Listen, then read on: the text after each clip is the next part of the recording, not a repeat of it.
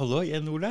Nå, igjen, nå, nå, nå skal vi se om vi um, klarer å beholde den ordentlig Fordi jeg sa til deg i stad at oppe i sofaen så går den praten veldig sånn Og jeg merker jo at den er jo litt stivere her nede sånn med en gang vi kommer ned her. For at, eh, ja, sånn er det bare. Likevel så er det, syns jeg, er jo Folk tror det er helt 100% ekte, men det mangler litt, grann, litt grann fra den helt dagligdagse Og du, kanskje det er noe sånn som du sa, at vi sitter litt sånn stivere rett opp og ned her. og Så var jo til og med på tankene om å sette kameraet opp og lage en sånn derre Hva kalte det du? Eh, tør ikke å si noe, du. da. Nei, en liten sånn forrige forrige forrige podkast om den samme podkasten, hvordan praten var oppe i stua. Jeg veit ikke om folk tør å snakke noe mer når du veit kameraet stopper. Det skal være hemmelig kamera kanskje der. Folk blopper jo ut av seg litt mer friere der oppe, da. Vi later som om det er skjult kamera. Ja, ja. Kanskje jeg skal ha skjult kamera òg? Nei, da blir vel folk litt sure. Det er noen som ikke tør å si alt. Du tør eller, Ole? Å nei. Å nei. Si alt, nei. Det Nei. Nei, vet du hva. Det- Nå skal jeg fortelle deg hva jeg ikke tør Nei. nei.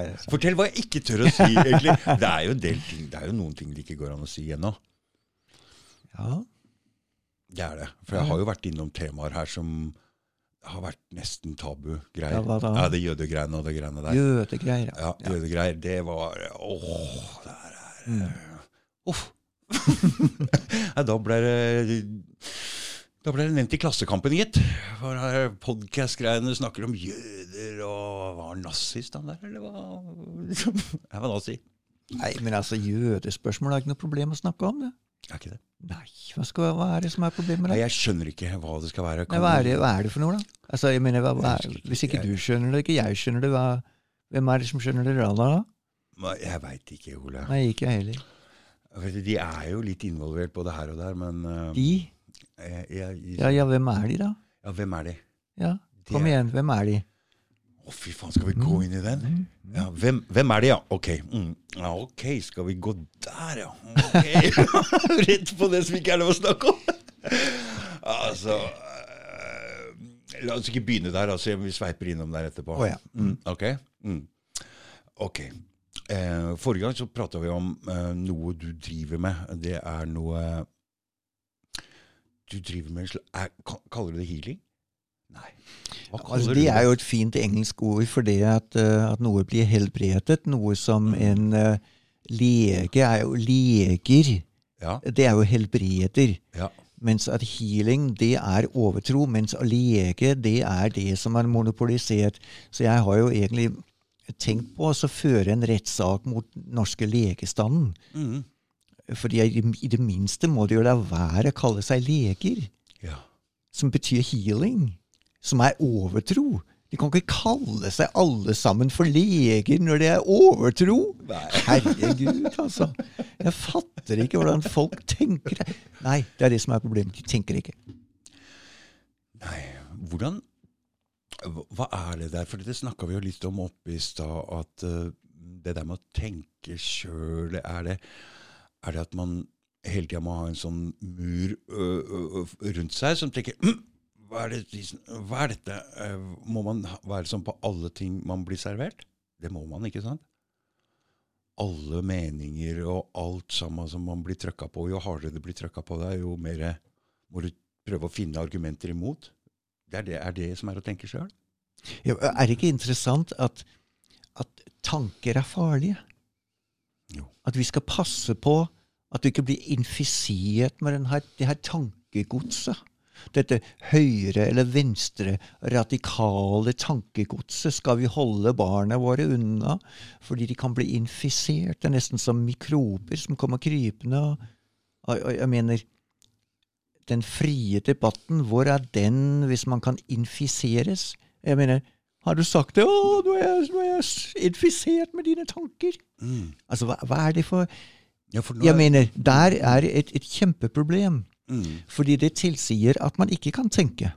Det sier at tanken er en, en kraft. Det er liksom jeg gir deg inn på trynet, så får jeg blå nese. Og jeg sa et eller annet til deg, så fikk du den der infeksjon, tankeinfeksjonen. Mm.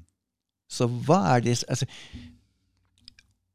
fordi det, hele vårt demokrati bygger jo på det at vi kan utveksle tanker. Ja.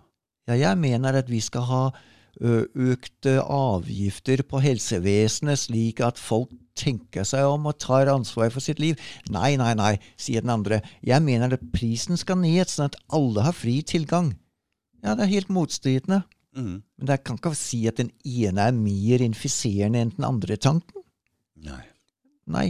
Så problemet er jo det at når vi når, når massemediene og politikerne kan forholde seg til det som en faktor, at tanker infiserer, så kan det jo bare skyldes at folk ikke tenker. Så er hvordan- litt, jeg merker jo det er en del tanker som jeg som merker at det her er egentlig ikke lov fordi det er ikke lov å snakke om det, og det er liksom ikke lov å tenke på det. For, det, for meg så er det jo sånn at disse tankene kommer jo ofte litt rett ut av munnen. Eh, uten noe sånn veldig mye filter. Uh, og da blir det jo um, litt uh, Da er det jo et slags tankepoliti, ja. For siden jeg har så veldig dårlig um, Hva skal jeg si? dårlig Impulskontroll! Ja, men altså, hvem Ja, impulskontroll, ok, men jeg driter Jeg, syns det er litt morsomt å høre på munnen min si sånne ting òg, da. Ja. Ikke sant? Og noen Det er som det med keiserens nye klær, som den historien du fortalte om òg. Det er jo Noen må tørre å si det som, ikke, som alle tenker, og ikke tør si. Ja, men hør nå her. Nå kommer du med en eller annen uttalelse Mm, som er helt fjern. Okay. Månen er grønn ost. Mm, Ja, ja, jeg har hørt det før. Okay. Altså, hvordan skal jeg forholde meg til det? Mm, Da kan jeg si hm, interessant. Eh, jeg syns det høres helt fjernt ut, men jeg sier jo ikke det direkte, da. nei. Nei. Men hvordan kan jeg nærme meg det? Da kan jeg spørre ja, det, hva slags erfaring har du på det feltet? Hvordan har du kommet til den konklusjonen? Mm, Jo, det har jeg lest i VG. Ah ja, tusen takk. Eller, men altså, jeg mener, det fins jo mer mm, eh, vektige argumenter for, for Hvis man går inn i en samtale mm, om hva som helst Ja, Månen er grønn ost. mm, Eller havet har forresten forsvunnet. mm, Ja, Hvis jeg bare sier tulling, mm. da går jeg glipp av et eller annet. Ja. Men hvis jeg spør deg, hva, ja, hva, bygger du det på? Dette var interessant at du mener. Så rart at du mener det. Hvordan du Ja, men det er nå én ting. Men altså, det altså, spørre inn til hva er det for en Hvor har de din kunnskap fra? Mm. Hva kan jeg lære her? Ja, men det er jo nysgjerrighet. Ja, det er en interesse. Og den interessen fører deg til at man kan skjønne at den karen der, han har ikke vært på månen og kjent etter om det var grønnost. Han bare babler piss. Så mm, tusen takk for samtalen, og så går vi videre. Mm. Mens en annen sier noe sprøtt, og da hører jeg at hallo, han har jo et eller annet på det. Mm. Og da kan jeg lære noen ting. Mm. Og etterpå, som du sa, eh, har sagt før, vi kan jo kjenne om det stemmer. Men da må man spørre inn Mm. og kjenne etter, og få fakta på bordet, så kan man kjenne etter selv. Ja, man, man kan kjenne om det er noe der. Ja. Ikke sant? Man Jo. kan kjenne etter om det er noe der. Er, er- men Ja. hvor, hvordan kan man det? Er det, er det er det fordi det klinger litt grann med ditt verdensbilde, at den fanger en oppmerksomhet eller en interesse? Eller, eh, hvor, hvor, hvorfor er det at noen ting klinger sånn at du kan høre om det er noe, et eller annet? Eh, For det første så må man ha interesse Ja. for Ja. rare eh, Ja. ting. Eh, fordi man kan se på ting på to, to helt forskjellige måter. eh, og det ene er alt som ikke er, er som du vet fra før. Altså det er Uff, a meg på den måten. Det kan Mm. man, det er, det er en innstilling-greie. Den kan du gjøre sånn med klikk. Du er nysgjerrig på alt du ikke veit. Eller Og det her kommer skolesystemet inn i, inn i bildet, faktisk. Fordi det tar faktisk livet av læring og nysgjerrighet. Det, eh, det har jeg vært borti. Alle folk bare, de vil ikke høre noe nytt. De får vondt De får vondt pga. dårlig traume fra skoleopplevelsen, hvor de blir prakka på å lære noe. Så det ødelegger faktisk. Fordi alt du blir prakka på, det får du helt, får du helt marka. Så egentlig man skal, Jeg vet ikke hvordan man skulle lagd skolesystemet, men det måtte vært å hele tida fulgt nysgjerrigheten til Lagd nysgjerrighet hos folk, hos barn, da. Sånn at de kunne fulgt etter med interesse. Istedenfor så blir du prakka på noe og skal lære det. Jeg har et forslag, jeg. Ja, kom. Legg det ned. Legg det ned, Ja. Fordi Altså, jeg mener eh, våre forfedre, mm, vikingene, mm, de hadde ikke noe statsskole. Nei. De klarte jo å skape imperier og, og handel over store deler av den kjente verden. mm, Det trengs ikke skole for å folde seg ut og mm. ha et godt liv. Og det er jo en annen ting. altså Hvis du Det du kommer ut med av lærdom i norsk og engelsk og matte og de viktige tinga, da, det hadde du klart å presse inn på ett år. Helt på slutten der, hvis det var nødvendig. Så du trenger ikke gå ti år på skolen for å lære deg de greiene der. Det er, det er et helt grunnleggende problem med skolesystemet vårt, og det er at som biologiske vesener Nå gidder ikke jeg snakke med deg om ånd eller sjel eller noe sånt, men som biologiske vesener Ja. Hvis du vil lære en, må, en måke, og så uh, spille data eller, øh, eller måke snø eller noe sånt, Mm. den driter vel i det. Den gidder ikke å lære noe som den ikke trenger. Nei. Det, det, det er helt meningsløst for et Mm. biologisk vesen Mm, mm, å lære noe som man ikke trenger. mm, Man møter et problem, mm. og så løser man problemet. Ja. Eller man dør. Ja. Ja? Og hvis du skal løse problemet, så leter du etter løsninger. Og da er du interessert. Det skal jeg si deg. Ja. Ja? Da kan man røske i Dag, du må fortelle meg åssen man gjør det her! Kom igjen! Ja, ja, ja. ja. Og da er, sier man på skolen Lukk meg inn, jeg du må ikke slå så du bor i Jeg får så kjeft ja, for ja, den der ja, ja, eh, ja. mikrofongreiene. Da kommer man til, eh, til læreinstitusjonen, og så dundrer man på porten 'Jeg vil lære det her'. Ja, ja, ja, ja. Og så Sånn, sier han innenfra 'Du får lov å komme inn, men du forplikter deg til å lære, ellers er det bare ut igjen'. Mm. Du, har lagt merke til for første gang så er det en, en, eh, en som prater høyere enn meg. For første gang så har jeg en gjest som endelig Han har jo han har fått veldig mye kjeft her forrige gang, for han satt litt tytt og pine, men nå prater han så høyt at han prater høyere enn meg, og da betyr at eh, mikrofonen hans må for første gang være lavere enn min. det er bra. Veldig bra, Ole. Og jeg kan ikke la være med igjen å si Mm. Jeg har skrevet bok om det her. Ja. Oh, ja. Mm. Læring handler om at man har et behov. Og man ønsker å komme fram Mm. til trivsel og glede. Mm. Og ellers kan man bare glemme det. Du kan godt lokke barn til å lære ting, men det må gi mening. Mm. Og en av meningene kan være trivsel og glede. Mm. Hvis barnet sitter og er Ja, ja. pressa, Mm. glem det. ja. Det tar livet av deg, ikke sant? Ja, det gjør det. Ble bleke og nervøs og går på, Ja, må på, på medisiner og Mm. lykkepiller og faenskap. Og, og alt som her er læring i seinere, det vil de ikke ha noen ting av. Jeg har merka det. skjønner. Folk vil ikke høre noe interessante ting. Som blir ødelagt av det. Mm. Men, Og det kan man lese i, uh, i formålsparagrafen for norsk opplæringslov. eh, mm. Den handler ikke om læring. Nei. Den handler om, Skolering. den handler om danning av mennesket. Det er skolering, det. Ja Hæ? Nei, det er ikke skolering. Hva er skolering? Og skolering, det er Hvis du skal bli ingeniør, så må du skolere deg. Oh ja, okay. Hvis du vil lære et fag, så må du skolere deg. Oh ja, Men også, å, å, å styre hvordan et menneske dannes, det er jo Vi kaller det utdannelse, men altså, jeg mener det er jo hjernevask, da. mm. Mm. Når du skal bestemme hvordan mennesket skal se på andre mennesker, hvordan det skal forholde seg til verden. Mm. Det har jo ikke staten noe med. Nei, og her var du inne på noe forrige gang vi prata også om at det er noen som sitter og bestemmer hva som er pensum. Ja, ja. Og vi er ikke helt klar over hvem er disse folka, hvem blir de styrt av. Men det blir styrt internasjonalt, for det er et internasjonalt pensum, så alle skal bli like. Ja.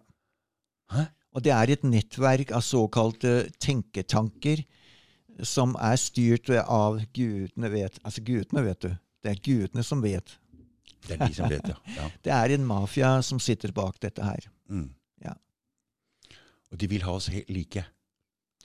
Ja, det kan du si er et av uh, en av greiene. Mm. Men vi, vi, vi vil ikke være like, Ole.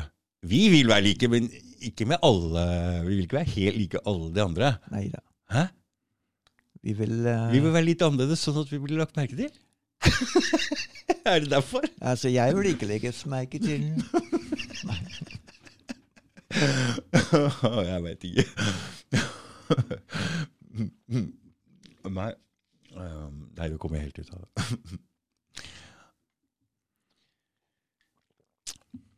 Nei. Det er, eh, det er et, et, forsøk på å, å få mennesker gjort om til roboter.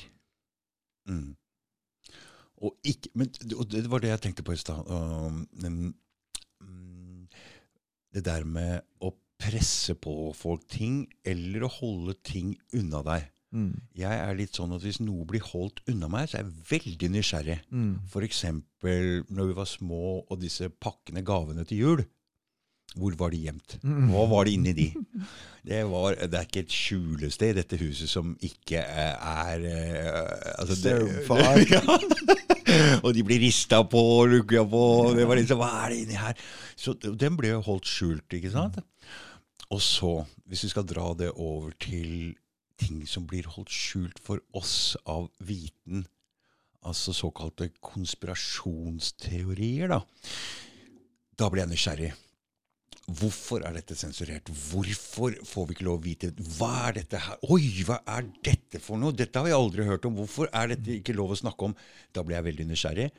Men sånn som på korona og Ukraina, når media prøver å trekke en mening på meg, så bare steiler jeg, og det skal jeg ikke ha. Mm. Jeg vil ikke ha det som blir trøkka på meg. Jeg vil ha det som Hva er det for noe? Det som blir holdt unna meg. Ja.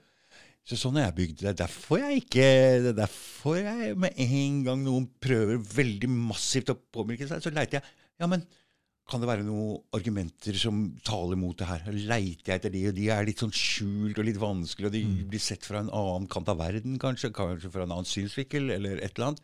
Det er nysgjerrig med en gang. Det er Bra egenskap, ikke sant? Hæ? Noen må være sånn.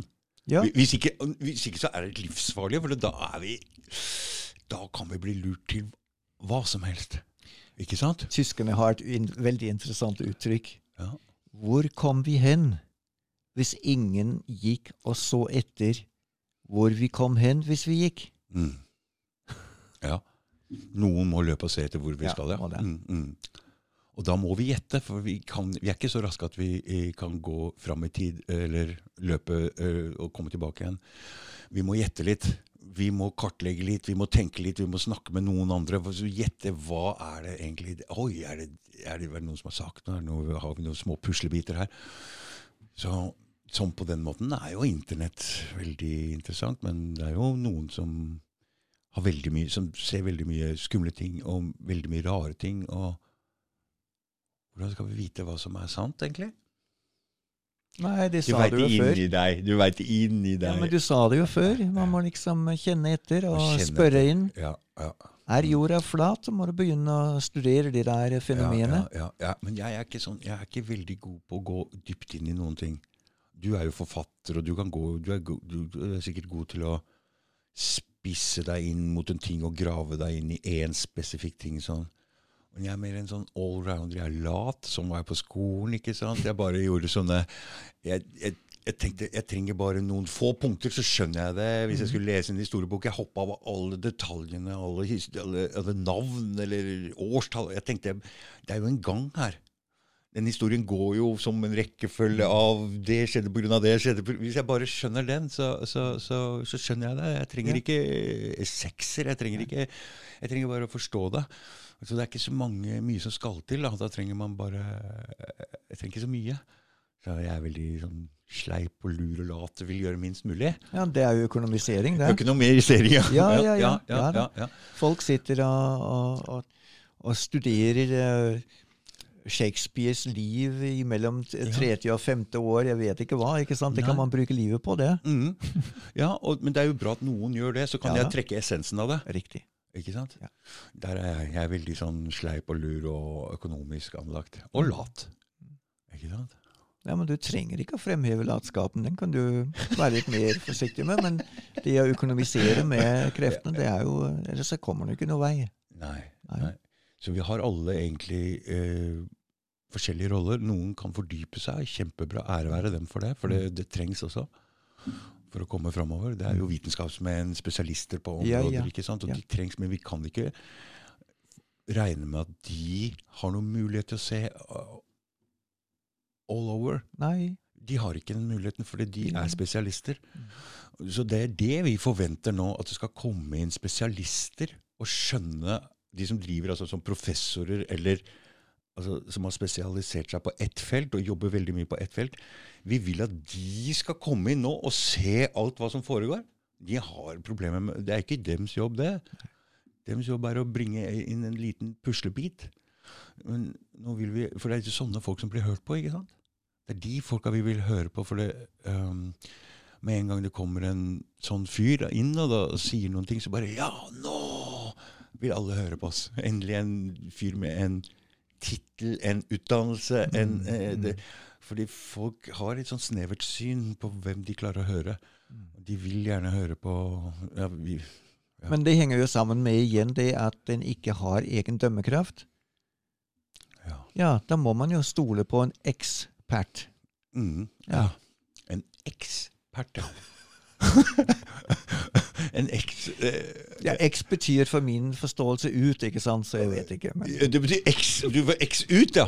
Ja, ja men exit, det er jo noe med utgang. Ja, ja, ja men for alle for, Nei, men ikke sant, Når vi har et ekspertvelde mm, hvor uh, statens uh, utvikling drives fram av eksperter mm, Det er eksperter som bestemmer om vi er syke eller ikke. mm, Ja, men da gir vi jo fra oss egen myndighet mm, og overgir det til noen andre å Mm. bestemme. mm, Og da er det jo Da har du jo problemet allerede. Fordi Ja. en er jo bare en rådgiver hvis at du er eh, har din egen autoritet. mm. Så kan jeg lytte til den ekspert og til den ekspert. Og så blir jeg ekspert i mitt eget liv. For det, det er et åh, Dette her har vært et problem øh, når man går til legen og sier ehm, jeg har et eller annet her som jeg tror kanskje er det. Og, og, og før var leger helt umulige. Altså. De var sånn Du skal ikke komme her og komme her og fortelle meg hva som er gærent med deg. Det, de var helt, helt blåste. Men altså, de Hør på den her, da. Vet du hva, Før i tida så var det sånn i, i kiosken så var det sånn for jenter Sånn romantikk het de bladene. ok? De var veldig var for små jenter. De var under 15 eller hva, sånn. Men legene hadde et egen romantikkblad. Jeg var sikker på det var for, Og det var bare kjærlighet for leger. Det het Legeromanen. Tenk på det! Tenk på det! Å, herregud. Eh, Det var, må jo ha vært Legeforeningen som sto bak det. sånn at vi skal ha masse søte sånne sykesøstre og sånn. Altså, for Det er jo to ting menn liker. Det er jo liksom makt og draget på damer. da. Så når de fikk på seg den der eh, hvite frakken der, som ser helt tragisk ut, egentlig Det er jo en lagerfrakk. Det er Ja. jo, Ja. Den ser ikke fin ut. Og, og hva var det kvinnen søkte i det, da? Hvorfor, hvorfor blir dere solgt? Myndig Jeg vet ikke. Ja, ikke sant? Den der myndige mannen. Ja, Som Ja. skjønner, veit alt, og som alle Ja, hører på. har kontroll. Ja, men, men, men det programmet som var på TV her for et, kanskje går gjennom alt jeg vet, det var liksom Leger mot vanlige folk. Nå skal dere få et spørsmål Ja. å bryne dere på. Ja.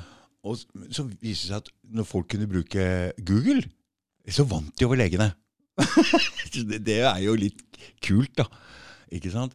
Og det eh, har jo fratatt litt. Grann. Han flyr jo ikke rundt like tøff i trynet med den stetoskopet rundt halsen og er, er all vitende lenger. Han er faktisk ikke det. Han er litt mer ydmyk nå. Han klarer å høre pasienten lite grann. Så det er jo Får vi bare håpe at den utviklingen går enda mer, så han klarer å høre pasienten enda mer. For det, det er tross alt vi som veit mest om oss sjøl. Jeg husker jo en tid hvor det, hvor det var noe Det var stas å si eh, jeg er eh, fru overlege Svendsen. Ja, ja. Og hør på ordet overlegen. du veit jo hvor det kommer fra da? Ja. Ah, herregud. Der satte du den. Etymologisk ekspert. Etymologisk, du. Nei, nå, det kan jeg ikke la deg slippe unna med. Du, det må du nesten ta for meg, for jeg skjønner ikke. Altså noe med hvor, hvor ordene kommer ifra. Ja. Nå har du akkurat forklart oss Mm, hvor ordet overlegen kommer fra. ja. Det må jo være det. Det kan ikke være noe annet. Hæ? og underlegen, det er når du ligger på benken der og blir dissekert eller pelt på av eh, både her og der. Da ligger du under legen. Ja, Han står over deg, Ja. stikker fingeren i rumpa eller hvor han skal. Og du er ganske hjelpeløs Ja. i legens vold. ja. Helt frivillig. Helt frivillig. Og han er ganske slem noen ganger. Han skal dra i ting. Du kommer med en finger du har knekt eller et eller annet. ikke sant? Kjempevondt. Du vil ikke at noen skal ta på den hele tatt. Og han er veldig brutal. Det kommer flere stykker og skal Ja. brekke på plass tinga. De er Ja. ikke hyggelig. ikke noe kult. ja. Da har vi vært innom noen temaer. Nå må vi se hvor eh, ellers denne samtalen Du, du, har jo, du er jo fireboksforfatter, kaller man det det? Flerboksforfatter? Eller er man bare forfatter uansett? Ja, jeg vet ikke. Jeg er ikke så opptatt av titler. Kanskje fordi jeg ikke har noen sånne titler fra før. så... Nei, men du har jo gitt ut Hva slags spenn er det disse bøkene her eh, Når kom den første boka di, og når kom den siste? Spør om så vanskelige ting. Må du sjekke det?! Jeg har ikke greie på sånne ting. Oi! Det er jo bare Hvor mange år har vi snudd Hvor mange ganger har vi snudd rundt sola? Er det det er det du spør om? Ja, ja. Mange ganger har Her står det 97. 97, ja. 97. oh. Nei, men det er jo ikke riktig. det er ikke riktig engang. Å nei, det er noe annet. Herregud. Du må, må, begynne å lese de her bøkene litt. grann, Da. 2015. Ja, ja, ok. 2015, ja. Det er stor forskjell! Ja, det er jo Var det den første boka, ja? Mm. Ja. Mm. Er det moro å skrive? Er det vanskelig? Ja, så Man må komme i en sånn sone for å skrive. Jeg, Det er jo liksom der som du ikke kommer. mm, jeg kommer ikke dit. Nei, jeg gjør ikke det. Du er altfor økonomisk. Mens at jeg, jeg, jeg elsker også å sitte og grave i ting og, Mm. og mm, Få det der puslespillet til å passe i hop. Mm. Altså én ting som gnager deg. Nei, jeg må finne ut av det. Mm. Graver og graver og graver. Og så innser jeg ah, altså den tilfredsstillelsen når det der faller på plass. Mm. Ah, det er greier. Ja, klart det er det. Sånn at jeg kan si det, at jeg, at jeg skriver veldig mye for min egen skyld. Og det er jo Vi prata litt om det oppe i forgårs også. At hvis man skal få registrert tanker, eh, så må de enten lyttes på av en person som klarer å ta det imot, eller det Mm. må skrives ned. Riktig. Det er sånn man downloader, eller det er Ja. sånn man fanger inn Ja. eh, Fra hvor? fra Jeg vet ikke. Du, har- du har i hvert fall eh, selv brukt ordet eteren. Ja, jeg har det. Ja. Mm. Og eteren det er jo sånn som ikke fins, det vet alle jo. Så da er du litt overtroisk der. Så la oss bare si eteren. Mm. Ja. Det, var, altså det ordet blir jo brukt Før så ble det jo brukt når noe var på radioen. Ja, Så var det på eteren. ja da. Ikke sant? Så det er noe i eteren der som det går an å sende noen signaler inn. Som det går an å Og nå veit de jo det at de klarer å lagre i- veldig mye informasjon inn i et vannmolekyl inn i et, og i luftmolekyler. Ja altså, det er mye ja plass inni der. Ja ikke sant? Så begynner å fange opp igjen ting som en har skrota. Ja, Og så fins det jo Når man kan sende radiosignal altså Det fins jo mye Ja, Det der er et spennende felt òg. Mm. For man kan hente ned energi derfra òg. Oppenifra der. Tesla gjorde i hvert fall det, hvis denne historien er sann. Ja da. Ja ja. At det er Ja da. Altså, det er, Historien er sånn. han Mm. fikk det til å lyse i noen lysepærer og sånn med å hente noe derfra. Ja. Mm. Så det fins energi der, det er helt sikkert. ja. Om det er der eller der, eller Ja, hvor det er. ja hvor det er, hvor det er, ikke sant? Og hvis du tenker på hvis atomreaktorer og sånn er, fungerer som det skal, så er jo det splitting av Mm. atomer, og der er det utrolig mye kraft. Mm. Så at det finnes energi og kraft i dette som vi ikke ser, det er helt 100 sikkert. Det er jo de eh, som sier at det som er fysisk målbart, følbart, at det er 4 av uh, verdens Mm. innhold, Mm. masse. Mm. Og det er på en måte det som vi går og så stjeler fra hverandre og betaler for og jobber for og kriger for. Og det er disse fire prosentene, da. Mm. Er ikke og, det litt komisk? Og da, da det er den tanken som slår meg, at eh, hvis vi Da prater vi om hørefrekvens og se-frekvensen vår. ikke sant? Hva vi klarer å se og høre. Er det det som er 4% av det som foregår? Alt det, kan, alt det som er vi kaller den fysiske verden. Ja, ja, ok, så det også. Ja. Mm. Ja. Men la oss si, vi kan ikke regne med at øya våre blir noe så veldig sterkere og bedre til å se noe mer av frekvensene, og ikke øra våre heller. Så da må vi utvikle en annen ting, del som vi kan prøve å føle oss fram til hva som er. da. Mm. Og en hjerne uh, er jo noe som Du ser jo det, vi- Hvis vi sier at folk er spesialister på forskjellige ting, ikke sant? Og en hjerne kan jo utvikle seg og jobbe seg til å bli sterkere i en eller annen retning. ikke sant? Mm. Og der er det mye å hente, Ja. Uh, ikke sant? Fordi um, La oss si, bare si et eksempel med Jeg ser jo det at i, i fo en fotballkamp, da, for å si det sånn, så er det jo de elleve samme spillerne, like bra fysisk form, men ene laget kan vinne 5-0, uh, og så plutselig 14 dager etterpå så taper de 5-0. Og da tenker jeg, Det er jo ikke det fysiske. Det, er ikke, det må være et eller annet Hvordan kan det være Det må være noe syk, syk, psykisk. det må være et eller annet Mm. her som vi ikke helt har skjønt. eh, Som ikke folk har skjønt helt hvordan, hvordan fungerer egentlig ting. Ja, så det er jo eh, Selv om at såkalt moderne vitenskap eh, ikke vil vite av det, så er det opplest og vedtatt eh, statistisk at med det forsøket med at noen kikker på noen andre Man kan merke det. Man merker det. Ja, folk merker det. Jeg merker det. Ja. Og det er interessant å si at Goethe, Johan Wolfgang og et eller annet mer Goethe, Mhm. påsto da for noen hundre år tilbake at øyet er et aktivt organ. Det vil si, det er ikke bare at det mottar lys, det sender ut en kraft som på en måte føler på det der som et ekkolodd, Mhm. Og tar imot, eh, tilbake noe. Og det vil si at den som er der borte, og blir sett på bakenfra, kjenner mm. denne kraften fra øya. ja, ja, ja. Og det er det som, eh, som mer og mer kommer til uttrykk, mm. også gjennom forsøk som gjøres i moderne uh, fysikk. mm. At det går ikke annerledes. Det er sånn det virker. Mm. Og, og du, du trenger ikke bruke øya dine engang. Du bruker bare fokuset ditt. Men dette her er 100% sant, fordi jeg har jo utvikla en slags sånn greie i og med at jeg har levd under et uh, slags press fra en fiende som jeg aldri så. Altså politiet. Ikke sant? Og da må man utvikle en slags sånn uh, fareradar. Mm. Så når noen sitter og prater om at de skal ta deg og fokusere på deg, Mm. altså man merker det. Mm. Man merker det. Ja. Så jeg tuller jo litt med Og så har jeg kjørt mange år uten førerkort. Så jeg pleier å si at jeg trenger egentlig ikke å se i speilet engang. Og jeg veit at det er politi bak. Mm. Mm. Jeg merker det. Mm. Jeg har utvikla en greie.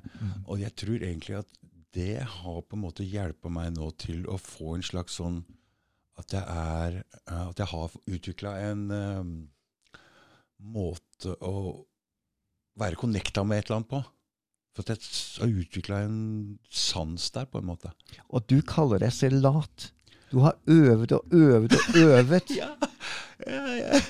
ja på grunn av Man måtte det. Og så måtte man ta Er, er ikke det godt nok, da? At man må? Jo, jo. Så alle vi kommer fra forskjellige eh, kanter eh, i- sånn, så Og vi har lært oss eh, så, så det kom til nytte, da. Å leve sånn i sånn, Ja. på en måte, i en sånn faresituasjon alltid. Ja. Bra. Fordi jeg, jeg, jeg klarer ikke å se noe og folk liksom, jeg, jeg kan ikke fatte at folk klarer å se på livet sitt som de angrer på en bestemt altså Hele greia henger jo fra første sammen. Så hvordan klarer de å, å pelle ut et sted hvor ikke det eller det, eller hvor, og hvor har du den andre deg som ikke var med på det? Er, hvem kan du sammenligne med? Du har jo bare jeg, jeg, jeg, jeg ser ikke noe sted jeg skulle angre på noe, eller jeg ser ikke noe Jeg er veldig Jeg er jo meg. Altså, hvis jeg hadde hatt en annen meg, da, og, se, og det er meg her, og det der er meg hvis jeg ikke hadde gjort det, da kunne jeg kanskje sammenligna Ok, mm, hva er det beste greia? Men det har man jo aldri. Hvordan, Hvordan kan man da hvordan lever man sitt eh, liv som et dobbelt blindforsøk? Nei, nei, man har jo ikke det. Så da, da blir det helt eh, Og alle Det er jo en læreprosess, alt sammen. Og så er det spennende at vi er litt forskjellige alle sammen. da. For da har vi lært litt forskjellige ting, og så kan vi komme sammen og så kan vi snakke, og så kan vi lære hverandre noe. Og hvis vi har litt interesse og nysgjerrighet og forståelse, så kan vi snappe opp noen ting her og der. For det, vi har jo ikke lært alt sjøl. Noen har hatt andre erfaringer. Heldigvis, ikke sant? Mm. Og det er jo sånn, sånn, vi, må, sånn vi må samarbeide. Hæ? Det er riktig. Ikke sant? Mm.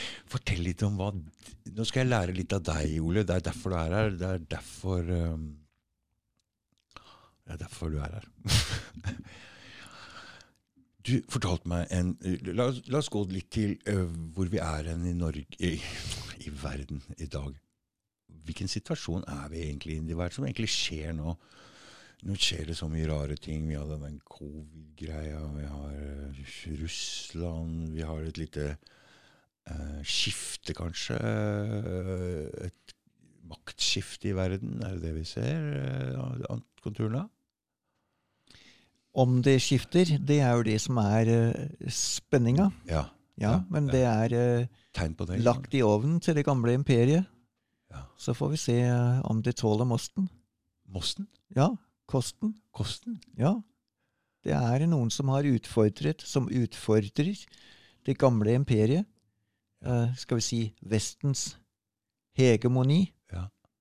Hege, uh, Vestens overstyring av resten av verden er nå i ferd med å bli utfordret. For hvis, vi skal, Satt på prøve. ja, for hvis vi skal gå litt tilbake og si hva den Vestens Hvordan de har dominert verden, så kan vi jo bare se på koloniveldet. Vi Ja. kan se på piratvirksomheten.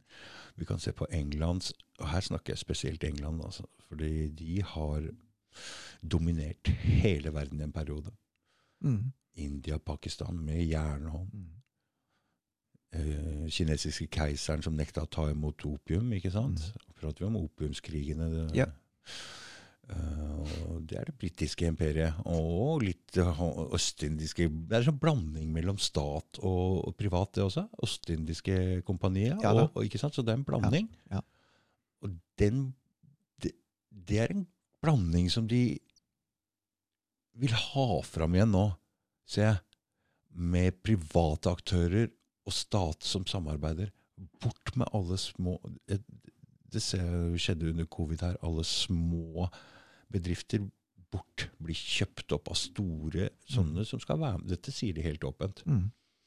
Dette er det som skal styre verden nå. Store, store bedrifter og i samarbeid med en internasjonal statsgreie. Overnasjonale greier. Dette er det nye maktgreiene. Mm. Bort med alle vanskelige Det er jo derfor det ikke fungerer når vi stemmer i. Altså sånn. Så dette er det uh, Hvordan Vesten Nå bladde jeg meg litt bort, men det er, det er sånn Vesten har dominert uh, verden. Og Det er derfor jeg kunne peke litt på noen feil med annen verdenskrig òg, når jeg ser hvem som egentlig har vært den La oss kalle det slemme, fæle skurken. Så er det jo ikke Tyskland på den måten som England, og, som har overført noe av krafta si til USA, nå har drevet med. Slavehandel, altså. Det er totalt grip. Og det er dette som blir borte nå. Eller? Det blir utfordret. Mm. Fordi at uh, Nå tar du fram andre verdenskrigen. Det som, som på en måte kunne være grunn nok til en andre verdenskrig, det er jo når Tyskland begynner å handle med såkalt tredje verdens land i egne valuta. Ja, for her de ble så knust under første verdenskrig, så de måtte lage sin egen valuta, ikke sant? Utenom sentralbanksystemet. Eh, ja, da etter, altså med Weimar-republikken så blir det jo da styrt alt sammen utenfra. Mm. Og det gikk jo til helvete, som det pleier å gjøre med det som denne mafiaen driver. De kan jo ikke drive noe som blir bra. Nei. De kan jo bare drive noe en tid Mm. før det faller sammen. Mm. Fordi det er drevet, de, er jo parasitter. Mm. Apropos det vi snakket om sist også. Mm. De skaper ikke selv, men bare utnytter andres krefter. Mm. Så eh, når Weimar-republikken sank i grus, og, og uh, tyske arbeiderparti tok over med Hitler, Mm. så prøvde de å si hvordan kan vi lykkes. Mm. Og en av de tingene som de visste, det var jo at blodsugingen gjennom pund som verdensvaluta, Mm. det er det som tapper en vesentlig kraft av ethvert land. Mm. Og så begynte de å handle direkte med andre land. Ja. I, i, I, deres, egen, I egen valuta. Ja. Det, Litt sånn som det Russland prøver å ja, du har jo da en rekke eksempler i moderne tid også, med Irak og sånne ting. Ja. Og det, og det, det kan selvfølgelig ikke tolereres, fordi at da faller hele det økonomiske uh, systemet som bærer uh, Altså at det er en sånn spiral, da. Mm. Fordi at de kan utsuge andre land, så kan de skape den sterke militærmakt, som da kan knuse den som prøver å komme seg ut. Dette er veldig interessant, ja. For det, nå begynner vi å få en litt annen vinkel på hva var det egentlig ikke, Det eneste vi hører på, er en demonisering av Ja det, det som de kaller for det stygge ordet nazi, ikke sant? som Mm. bare blir misbrukt i hytt og pine. Jeg veit ikke egentlig hva det betyr. Det var ikke deres eget ord, det er et skjellsord som blir brukt for alt det har vært i etterkant. Og så har vi jo den stygge hvor slemme de var. De var jo mm, eh, rasister, ikke sant? Det får vi høre. Det som er også, hvis vi tenker litt på det med La oss kalle det en slags prøve å få rasen til å bli best mulig, da, så var jo dette med sterilisering av folk som ikke var så smarte, lav IQ og, Mm. og, og sånne ting som de ikke ville ha med. Dette var jo i hele Europa. Mm. Det hadde ingenting med Tyskland å gjøre. I, I Amerika. I Amerika Mm. ikke sant? Det kalles for eugenisme. Eugenia. Mm. Eugenisme. Mm. Så, så, så Tyskland får skylda for alt det der, pluss den dumme holocaust-greiene. Mm. Som bare er altså så latterlig tungvint måte å ta seg av drepe folk på. Så jeg um, Jeg får ikke den til å rime helt. Men, men en interessant ting med, med, med dette med eugenien, hvor man, altså som jo betyr å skape skønnhet, skjønnhet, Ja. Mm. eugeni, Er det det betyr? Mm. Ja. ja. at, at det var uh, Man kan si at den hvite rasen Mhm. har vært drevet fram gjennom noen hundre år. I det minste. Og da har det vært uh, i orden med utskillelse av Altså med en oppformering å få kraft i rasen. Fordi at den hvite rasen har da blitt brukt til å knuse alle samfunnssystemer rundt om i verden. Og da trengte man en kraft. Ok. Så det Altså- har blitt brukt bevis sånn, ja? Ja, jeg sier det bare sånn. Ja, si det sånn, ja. Ja. Mm. Og så, når alle samfunn i verden var underlagt denne mafiaen i kontrollerbare, skattbare systemer, Så var er det på tide å kvitte seg med den hvite rasen. Helt riktig. Så da, når Tyskland prøvde å videreføre det å ta vare på sitt, mm. da ble det demonisert. fordi da var det skrutt ned i alle andre land. Fordi nå skulle vi roe ned den hvite rasen. fordi nå hadde vi begynt å få, få system. De har brukt, blitt brukt til å knuse alt i verden. Dette, vet du hva, Når du sier det sånn som det, så detter en del biter på plass med hva som foregår i verden. altså. Ja, det står her, da. Det står der, ja. Ja. Hva heter den boka? Nasjonalstatens oppløsning. Mm. Men det bør jo være dette, For det, de tankene her er jo um, altså, Når vi snakker om det nå, så føles det helt naturlig og helt fint å prate om. Men er det er dette det må, Dette må være lov å snakke om. Hæ? At det hva? At det ikke er lov å snakke om det her? eller? Jeg føler er helt greit om det. Mm, ja det, det er bare det er ikke noen som uh, vil høre på det. Nei. Fordi vi har jo lært hvordan tingene er. Mm. Så det skurrer jo fullstendig. Det er jo ingenting av det her som henger i hop med det folk flest vet. Det, er, det, er, det er noe som er veldig rart. For når jeg møter andre folk, uansett om det er sånn rase, sånn rase, sånn rase, eller gamle eller grå Jeg liker folk. Jeg vil hjelpe ja, folk. Ja. Jeg eh, snakker med folk. Jeg, uansett jeg Så jeg mener jo at mennesket Hvis jeg skal si Det er litt skrytete, men jeg mener at mennesket er godt i seg sjøl. Mhm. Grunnleggende godt. Ja, ja, ja. Ikke sant? Fordi vi får en bra vi hjelper noen, eller Mm. vi snakker med noen Jeg, jeg, så, jeg kan ikke fatte at um, vi trenger å bli kontrollert sånn. Eller, så derfor så stemmer ikke ting med at At folk kan gå i krig. Altså, det ikke Hvis det handles på individnivå, så går vi jo ikke og gjør sånne ting mot hverandre. Nei. Det gjør vi ikke. Det gjør vi ikke, ikke sant? Nei. Hvem er det som gidder å reise til USA eller Kina eller Russland for å så drepe Skyt. et eller annet der, når Ja. han har noe å gjøre her hjemme for å passe på familien? Visst er det. Så sykt det er egentlig, når man tenker på det sånn. Men i det øyeblikk at uh, det kommer en stor, sterk kar og sier du, betal meg. Jeg kommer og henter inn skattepenger, så vi kan beskytte deg mot han nabokongen som eh, er farlig. Ja. Han kan komme her med sin hær, og da er det ikke godt fått med deg. Å, det må vi betale. Ja.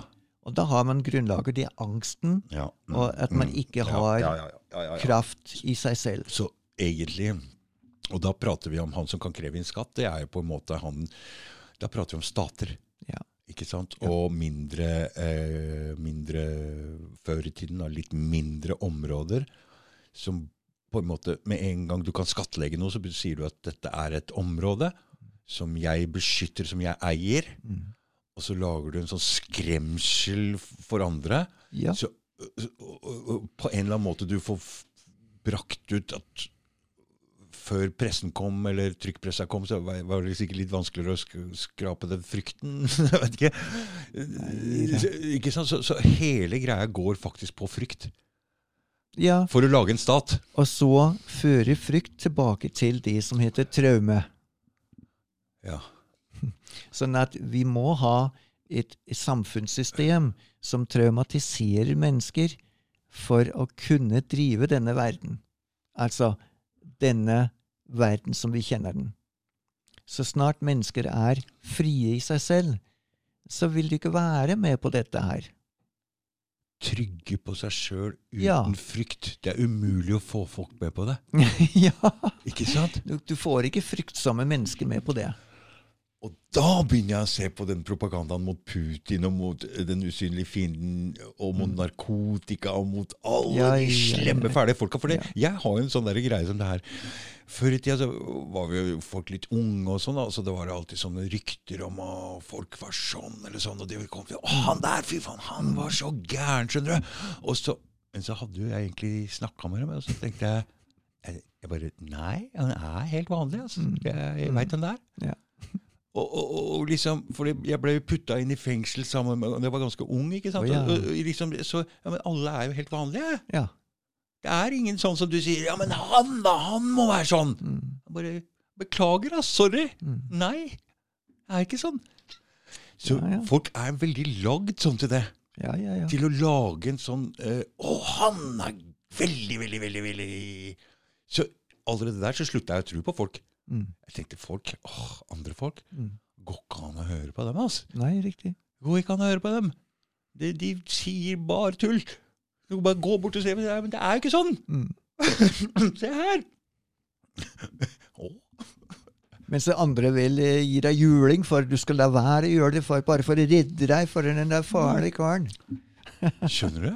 For jeg har jo kjent de gærneste av de gærne, ikke sant? som alle bare 'Han er veldig, veldig gæren'. Eh, nei, han er veldig, veldig Han står hjemme hos meg og lager middag nå, så jeg skjønner ikke helt Hva gjør han? Han? Ja, det gjør han. Han er helt ordentlig grei. Det er bare du som dytter han inn i en sånn rolle, og så må Ja. han være i den rollen, stakkars. Han vil Ja. ikke det engang. Mm. Han vil ikke være i den rollen. Slutt, si sånne ting. Hvis du oppfører deg normalt mot en person, så slipper han å være i den rollen. Så jeg har vært en sånn equalizer. Mm. Jeg har liksom ikke Nei, du har ikke, du slipper å ha den rollen der nå. Ja. Og de bare takk. Takk, kan jeg være vanlig? Ja, vær så god. Og det er jo også det som er en av grunnpilarene i, i samfunnet vårt. Mm. At vi har fiendebilder overalt, Mm. og til og med inn i vårt eget samfunn. Mm. Og det, om det så er de lavtlønnede eller Ja. eh, kvinner utenfor Ja. ekteskap, eller eh, barn født utenfor ekteskap, eller narkoman, eller de kriminelle, eller psykolog, ja. psykiater, nei, hva heter det, psykotiske Et eller annet. Ja. Et eller annet må det være. Hva vi liksom kan skyve ut. Mm. Og, nå er det De spedalske. og nå er det Stig Millehaugen. Hva er det? Ja, det, å, det er en, han er på rømmen! Han har sittet, altså, oh, er- ja, å ja. Han har sittet i fengsel siden han var 17 år, Mm. og så under et eh, fluktforsøk så drepte han en fangevokter. Mm. Og de har holdt han i fengsel Mm. altså siden han var 17 år. Nå er han like gammel som meg, han er 53. Ja. Og nå har han altså, nå har han stikket av fra permisjon. Mm. Og alle er bare 'Ja, sitt jo, få tatt han der!' Jeg skal banne på. Det er en skikkelig grei, eh. Ja, ordentlig fyr. ja, ja. Han har gjort en par ting sånn, men eh, no mercy. Folk er det er, det er, Nå begynner jeg å forstå at jeg ikke tror på andre folk. For jeg har alltid turt å gå bort og si 'nei, det er jo ikke sånn som dere sier'. Mm. Hver gang. Og nå kan de rulle fram eh, panserkjøretøy og så plaffe ned med, med kanoner, liksom. Mm, For han kommer ikke levende fra det nødvendigvis. mm, Nei, for nå kan de riktig spille med musklene og lage teater. mm. Og han sitter jo på noe som heter forvaring òg, ikke Og de har, fått, de har fått tak i han, ja. Nei, nei, nei, nei, men han har sittet på noe som heter forvaring. Ja, Men han er fri nå, eller? han er ute på permisjon, Mm. men han vil ikke gå tilbake igjen. Nei. Det skjønner jeg godt. Ja. Det får være grenser når du har sittet inne siden i 30 år, så må Ja. du få, og han har sittet veldig mye isolert. Og på grunn av at Mm. du kan tenke deg Når du tar livet av en fangevokter, Mm. så vil ikke de i fengsel behandle deg veldig godt. Mm. Så det har vært mange, mange, mange mange år isolert Ja. fra andre fanger. Ja. Det, er veldig, det er veldig tortur. ok? Det er veldig tortur. Mm. Eh, Det er faktisk det verste du kan gjøre mot et menneske, fordi vi er sosiale vesener. Ja, ja. Og vi trenger å ha kontakt med andre mennesker. Det er faktisk det viktigste som er. Oi, oi, oi. Stakkars Stig Millehaugen nå. da. ja. ja, ja. Vi må ikke stokke på å snakke, Ole. Vi har mer å si. Eh, Jo, jo, det maktskiftet vi er inne i nå, Mm. det hadde du en sånn god over... Du ga meg en sånn litt god oversikt der over hva du tror om Kina, Russland du klarer å gjenta det? Husker du hva, husker du, hva du sa? Nei, jeg husker ikke riktig. Nei, men prøv, prøv Ja, du husker det, ja? Ja. Mm, mm, Ja. mm. Altså, problemet er jo at eh, denne mafiaen har på en måte Jeg kaller det mafia. Kall det mafiaen. Blankt ut. Ja, gjør det. At, uh, som du nevnte det med det engelske imperium, og, og Ja. før det kan man si veldig veldig grovt uh, Roma, Mm. altså det engelske imperium, og så nå er det liksom flytta seg over til USA. Og det er jo selvfølgelig ikke det amerikanske folk eller det engelske folk eller noen italieneres uh, forfedre. Det er jo ikke det. Det er en, en egen Sånn. Beep, sier det så. Ja, ja, ja. ja, ja. Mm. Er det eget, skal vi kalle det et åndsvesen? Eget, Som- eget åndsvesen, som ja, det kan vi driver kalle det. Mm. Som driver og herjer gjennom århundrene Mm. og prøver å inkarnere her på jorden. Ja, Ja. De prøver å inkarnere. Mm. Ja, og nå har det på en måte det har, skapt seg et bedre imperium enn det har vært eh, kanskje egentlig noen gang. Mm. Fordi at eh, det engelske imperium eh, var jo stort, sa du. ja. Men så det vi har nå, er jo enda større. Det er jo ikke et land som kan motsi USA i dag. Nei. Så når eh, Men de, disse Når- parasittene som du kaller det, de Ja. har jo hatt makt i Russland også. Ja, en kort tid. En, oh ja, en, En kort kort tid, tid. ja. Ja, det var perestrojka, ikke sant. Og så var det før det, så var det uh, den russiske revolusjonen og sånn. De har prøvd en rekke fremstøt, og så har det dabba igjen. Oh ja. Og så har de prøvd på nytt, og så dabber det av. Mm. Sånn at det senest, de 20 årene nå med Putin, så har Putin Eller ikke Putin, da. Det er så mye fokus på Putin. Mm. Men den, Russland har renska ut dette her amerikanske mafiavesen fra Mm. landet. Mm. Og på samme måte har skjedd i Kina. Og etter eh, 150 eller snart 200 år så har Kina, er Kina i ferd med å altså, renske ut denne amerikanske såkalt liberale verdensorden. Mm. Som de merker at dette her Nå har vi fått nok.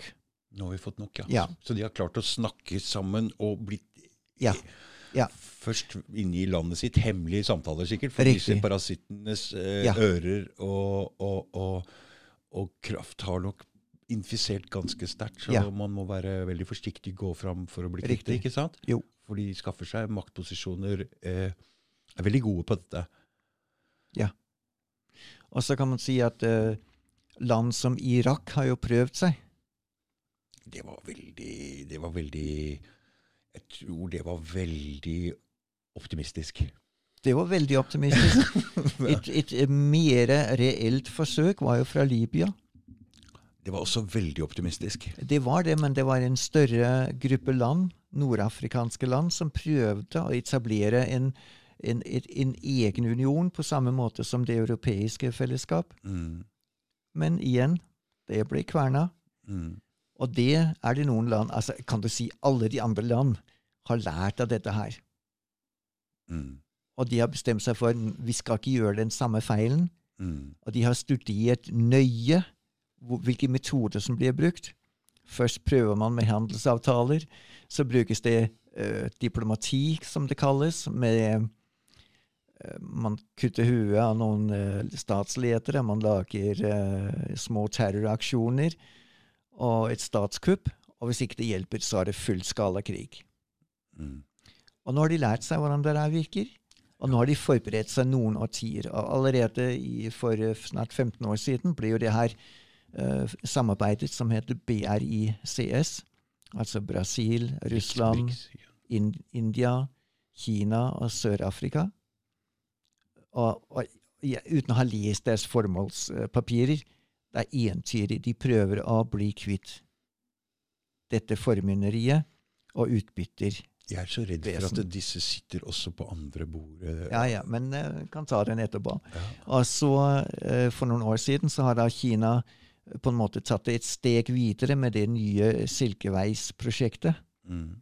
Og, og det som skjer nå, er jo at land etter land knytter seg til. Fordi at det som Kina og Russland gir uttrykk for, kan vi i hvert fall si, Mm. det er at de ønsker en flerpolar verden. Mm. Altså ikke, det er ingen av de som sier vi skal knuse USA og ta over.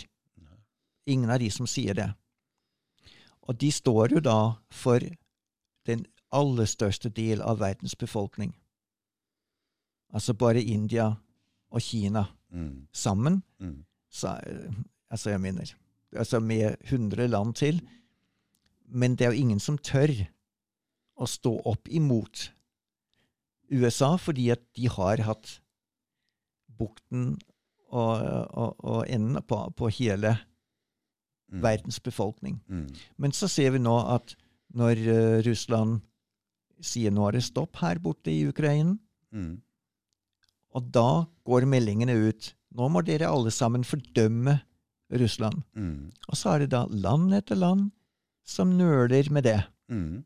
og får kjeft, og likevel ikke gjør det. Mm. Da kan man merke at mafiaens makt er i fare.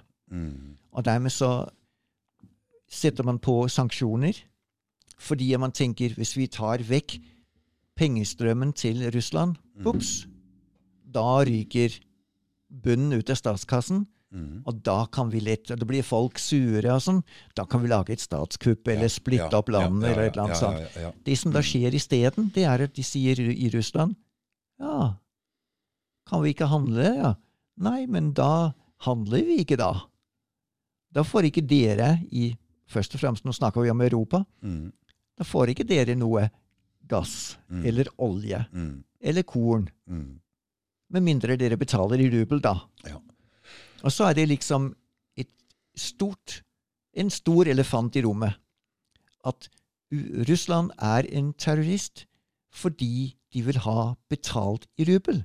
Ja. Og det er ingen på NRK som sier 'hva er problemet med å betale i rubel'? Mm. Det får vi Nei, hva pokker er problemet med å betale i rubel? Mm. Og da er vi tilbake til det som skjedde i, uh, i 39. Mm. At det ble krig fordi at Tyskland betalte og handlet med andre verdens land i deres egne valuta. uten å gå om pundet, som var verdensvaluta den gangen. Mm. Det var etter min forståelse krigsårsak. Mm. Nå er det startet ganske visst eh, konflikten før, Mm. men nå er det i en vei fram for eh, denne mafiaen. Enten i en vei fram, enten. Den går ikke. Det er to veier fram. enten blir Russland med på leken og holder seg til dollaren, Mm. eller så må de knuses sånn at de kan holde seg til dollaren. Fordi hvis dollaren ryker, ryker mafiastaten, ryker hele imperiet. Men problemet for dette imperiet er at Russland og Kina har laget forbund og har sagt denne klarer vi. Nå har vi forberedt oss. Operakrigen Opera. Opiumskrigen er lenge siden. Den russiske revolusjonen det er lenge siden, men vi har ikke glemt det. Nå skal vi ta revansj. Mm. Og de har forberedt seg sånn at de Jeg tror, jeg tror at russerne ble litt overrasket over hva som skjedde i Ukraina når de gikk inn der, men ikke mer overrasket enn at de er klare for å gå dit det trengs for å lykkes. Mm. Og mens at uh, verdens oppmerksomhet er på Russland, så forbereder Kina sin inntreden i denne konflikten. Og ikke i Ukraina-konflikten, men i konflikten mellom Vestens mafia og resten av verden. Og det er virkelig mot en liten klikke som kaller seg Vesten. Europa, USA, Canada, øh, hva heter det, New Zealand og Australien Mm. mot resten. Vi er en bitte liten befolkningsgruppe som tilfeldigvis er hvite, som er fullstendig gærne, og vil på død og liv holde fast i denne idiotiske mafiaen. Mm. Hvorfor noe ellers? Men resten av verden takker nei. Og det kommer vi til å merke nå. Vi ser, jo, vi ser jo det at USA har jo satt seg i kjempegjeld og kjempeproblemer internt i landet. Altså, det er jo så mye fattigdom og hjemløshet, så de tar, jo, tar jo, ikke av sin egen befolkning i det hele tatt. Men militærindustri, det har det. Så, så, så, så vi kan jo se at dette er jo ikke dette er jo ikke folk som bryr seg om egen befolkning Nei, i det nei. hele tatt. Nei, nei. I det hele tatt. Og i den konflikten her nå, så er det jo også Vi kommer til å få svi her i Vesten nå. Altså. Mm. Det kommer til å bli alvor. Tror jeg. Um, så vi går veldig spennende tider i møte.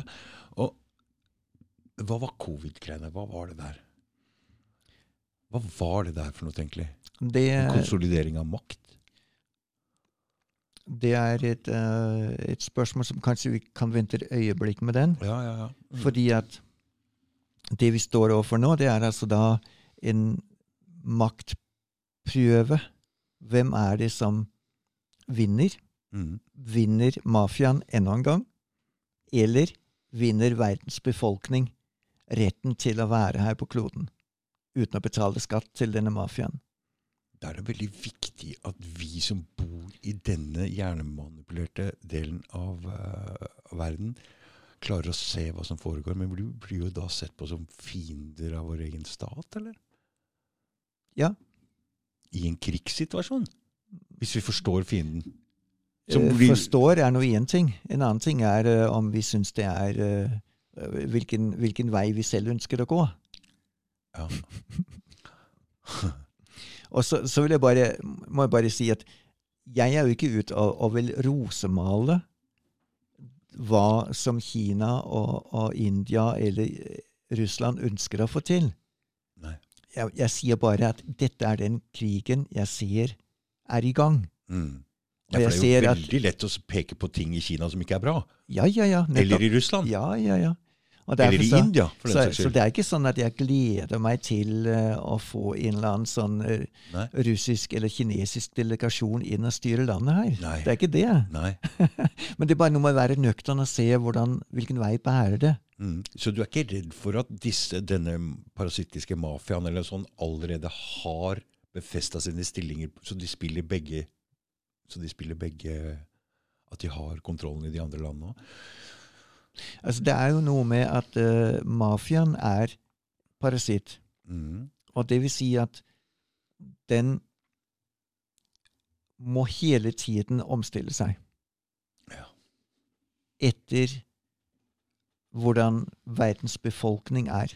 Mm. Man kan si at den vil til enhver tid ønske for enhver pris å bevare makten. Mm. For enhver pris. Mm. Ingenting blir skånet for at de kan bevare makten. Mm. Og Derfor så vil de også prøve å ta makten i denne Andre delen. Ja, Mm. for enhver pris. Enhver pris, Det er ingenting igjen. Mm. Så, men, men det, og det, det, et eksempel på det er, ser man når uh, nede på den afrikanske savannen løvene er etter uh, noen bøfler. Mm. Og sånn, sånn, har det, det, sånn har det egentlig vært alltid at i det øyeblikket bøflene oppdager løven, ja, så kan de jo drepe den. Og Så det- lett som og ingenting. Og det har jeg sett også. Ja, Det har de gjort også. ja, ja, ja. Men så i neste øyeblikk, ja, men så er bøflene tilbake. De har en kort oppmerksomhet på løven. Mm. Så er de tilbake og, og gresser og, Mm. og, og, og krangler seg imellom. Mm. Men løvene har ikke glemt hva de holdt på med. De blir nemlig ikke mette av at en av dem blir drept. Nei. Nei, så de er bare hele tiden i periferien og venter på det rette øyeblikk hvor de kan skille en kalv ut. Mm. Sånn.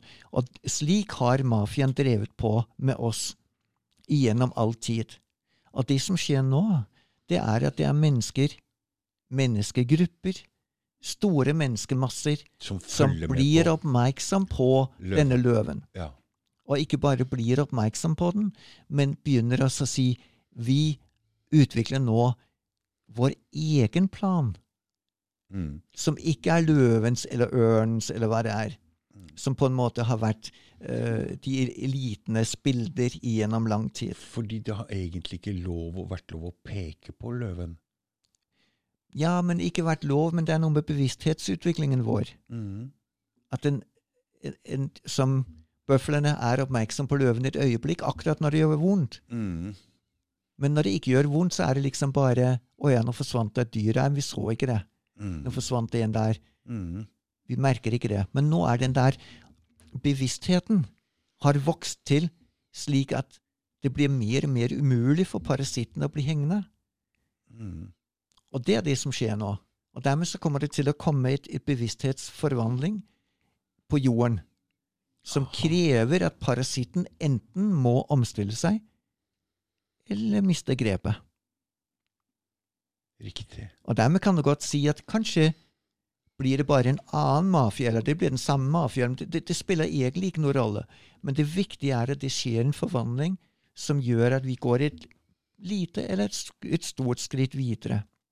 Kanskje en lang gang tror jeg man kan være ganske overbevist om at da blir ikke krig lenger noe middel man kan bruke. Og dette her er i ferd med å føre oss litt videre i forhold imot det at ikke vi vil krig. Og hvis man ser hvordan at uh, Russland fører krig i Ukraina, så vil jeg si det er berettiget å kalle det en spesialoperasjon. Mm. Fordi skal man erobre Ukraina, så skulle de ha gått inn med en tidoblet militærmakt. De kunne jo bomba hele Ja, ja, ja, og ja, sammen. ja, Ikke ja. Det er ikke det som foregår Ikke her. i det hele tatt. Nei. Så når Vesten har snakket om invasjonen i Ukraina, Mm. og så etterpå sier at det går dårlig for Russland Ja, selvfølgelig går det dårlig for Russland hvis man forventet at det skulle være en invasjon. Mm. Men ikke hvis man hører hva russerne sa at det skulle være.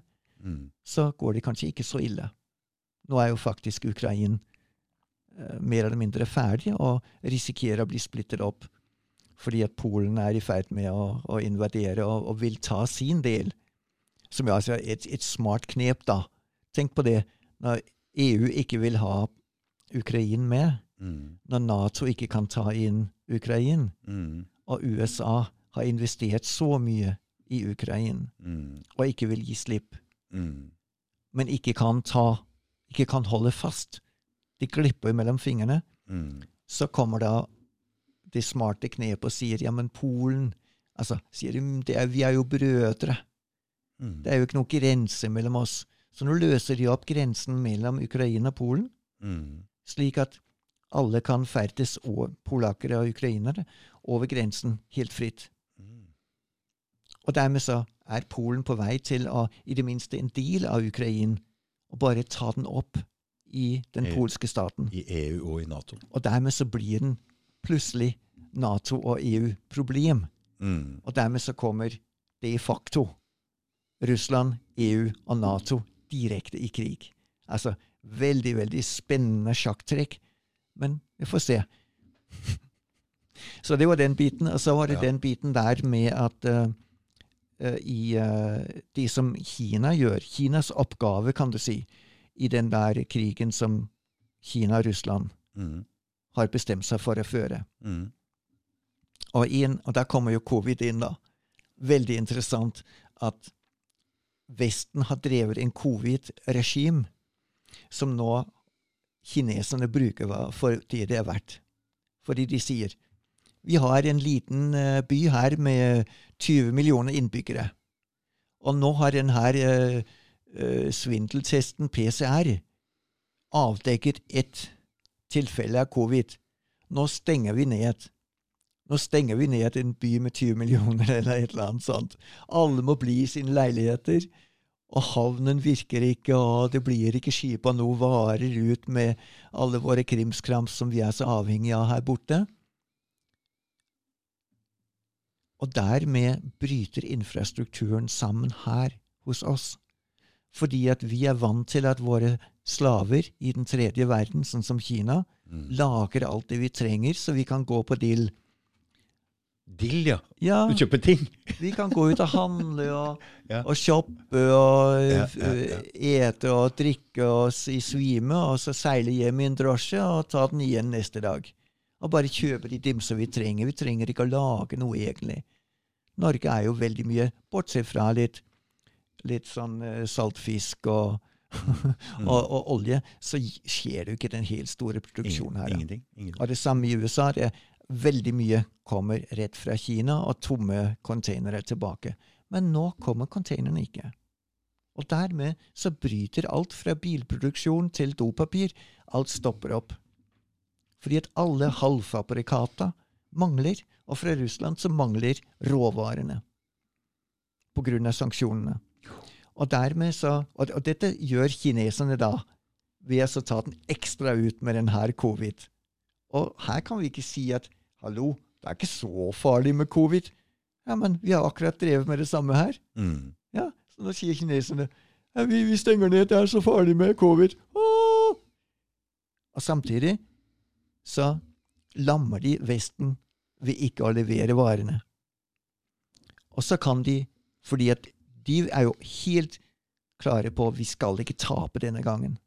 Og derfor så går maskinene i eh, Kina nå mer og mer blir stilt om til krigsøkonomi.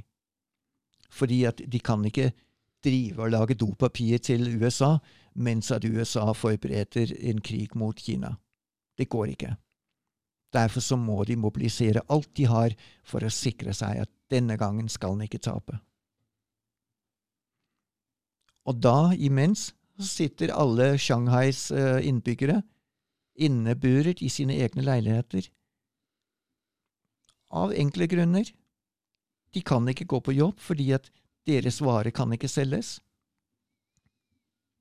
Mens at deres fabrikker og, og, og, og firmaer blir på en måte bygd om for krigsindustrien, så vil de bare skape kaos.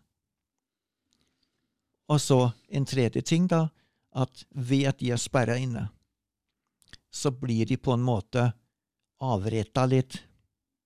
De får avlært litt av sine fisfornemme vestlige fornemmelser.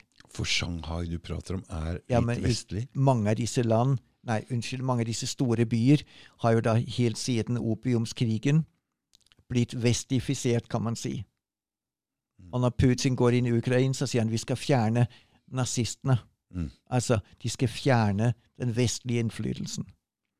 Og i Kina, selvfølgelig, ønsker de også å få vekk denne faenskapen. Og den blir da plukka effektivt ut av folk når du sitter i leiligheten din og ikke vet når du får mat neste gang. Åpner du døren, så står det en kar med maskingevær, ikke sant? Det er bare Du har én sjanse, det er å hoppe ut av vinduet, liksom, og det gjør, er det mange som gjør. I påvente at covid uh, skal gå over. ja. Så det var, det var, det du tenkte på også? Mm, at mm. disse mange ting som tilsynelatende ikke gir mening, de Mm. gir mening i en større sammenheng. Mm. Jeg likte Det var veldig mm, bra bilde, egentlig. Helt fra løvebildet og helt fram til dette her, må jeg bare si. Kjempebra Kjempebra bilde på hva som skjer. I hvert fall Det, det, det klinger logisk.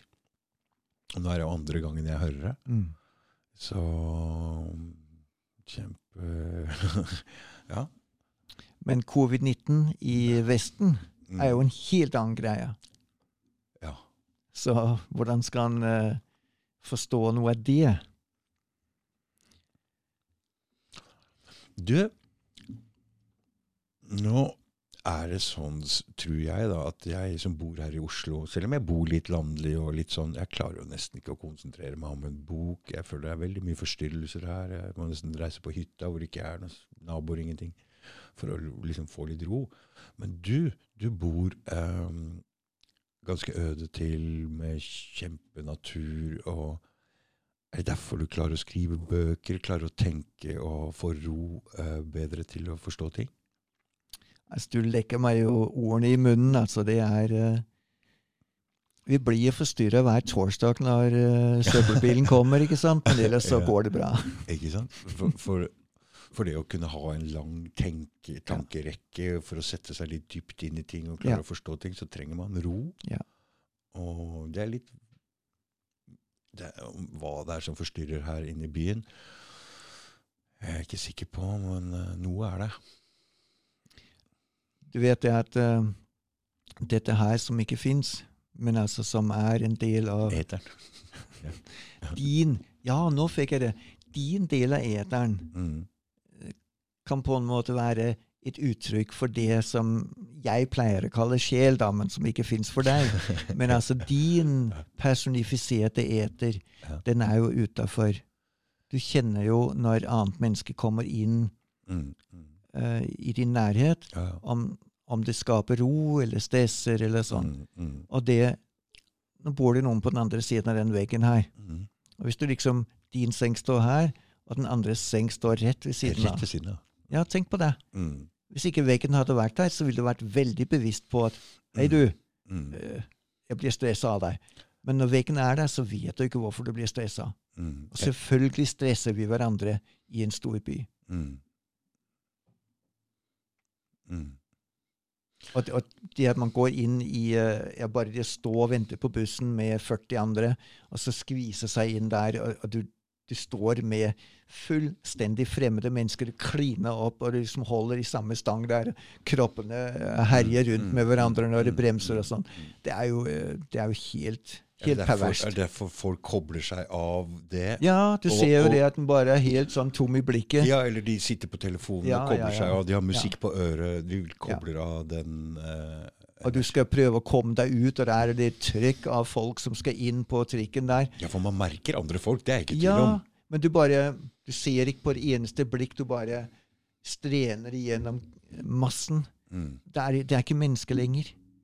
Det er, det er bare Er det derfor det er bra å treffe mange For jeg har jo vært på en del sånne greier hvor det har vært en del såkalt likesinna folk, da. Hvor det har vært en forsamling sånn. Og det har vært ganske bra. Så det er kanskje ikke så forstyrrende, da. Å treffe mange mennesker som er litt på samme energinivå, eller hva man skal kalle det. da. Du vet, Når det er mange mennesker, så trekker man gardinene for og vil ha fred. Mm. Men dess færre det, det blir, dess mer blir man nysgjerrig. Mm. Og hvis du ikke har sett noen mennesker på 14 dager, så, så henger du ut av vinduet. 'Å, se et menneske!' Ja, du på hytta. Ja. på hytta vi var så isolert der, skjønner du. Og det var aldri noe Også hvis det kom noen hørte en lyd. Ja. bestemor. Og så Ja. sånn Du, du, du, Ja. er det bil? Kommer det bil? Og så kommer folk! Ja. Kom folk hit! Ja. Det var liksom kanskje to ganger i løpet av, av hele sommerferien så kom det jaggu meg folk ned. Det er folk! Vi var full av alarm! Folk! Vi så ikke folk. Sånn, sånn at byen lammer våre sanser og, og, og våre sosiale sanser. Og, det, og når du kommer ut og bor helt øte, så er det det motsatte, at man blir i underskudd. Men å kunne styre at man er åpen for andre mennesker Altså, Vi kaller det empati eller psykopati, mens byen gjør oss jo i prinsippet psykopatiske. Vi bare går rett forbi et annet menneske. Det er jo psykopatisk. Mm. Ja, det er det. Ja. Mm. Og det er jo i en, kan man si, en pussig sammenheng da, med dette fortetningsopplegget. At, at hele FN-opplegget handler om at byene skal fortettes.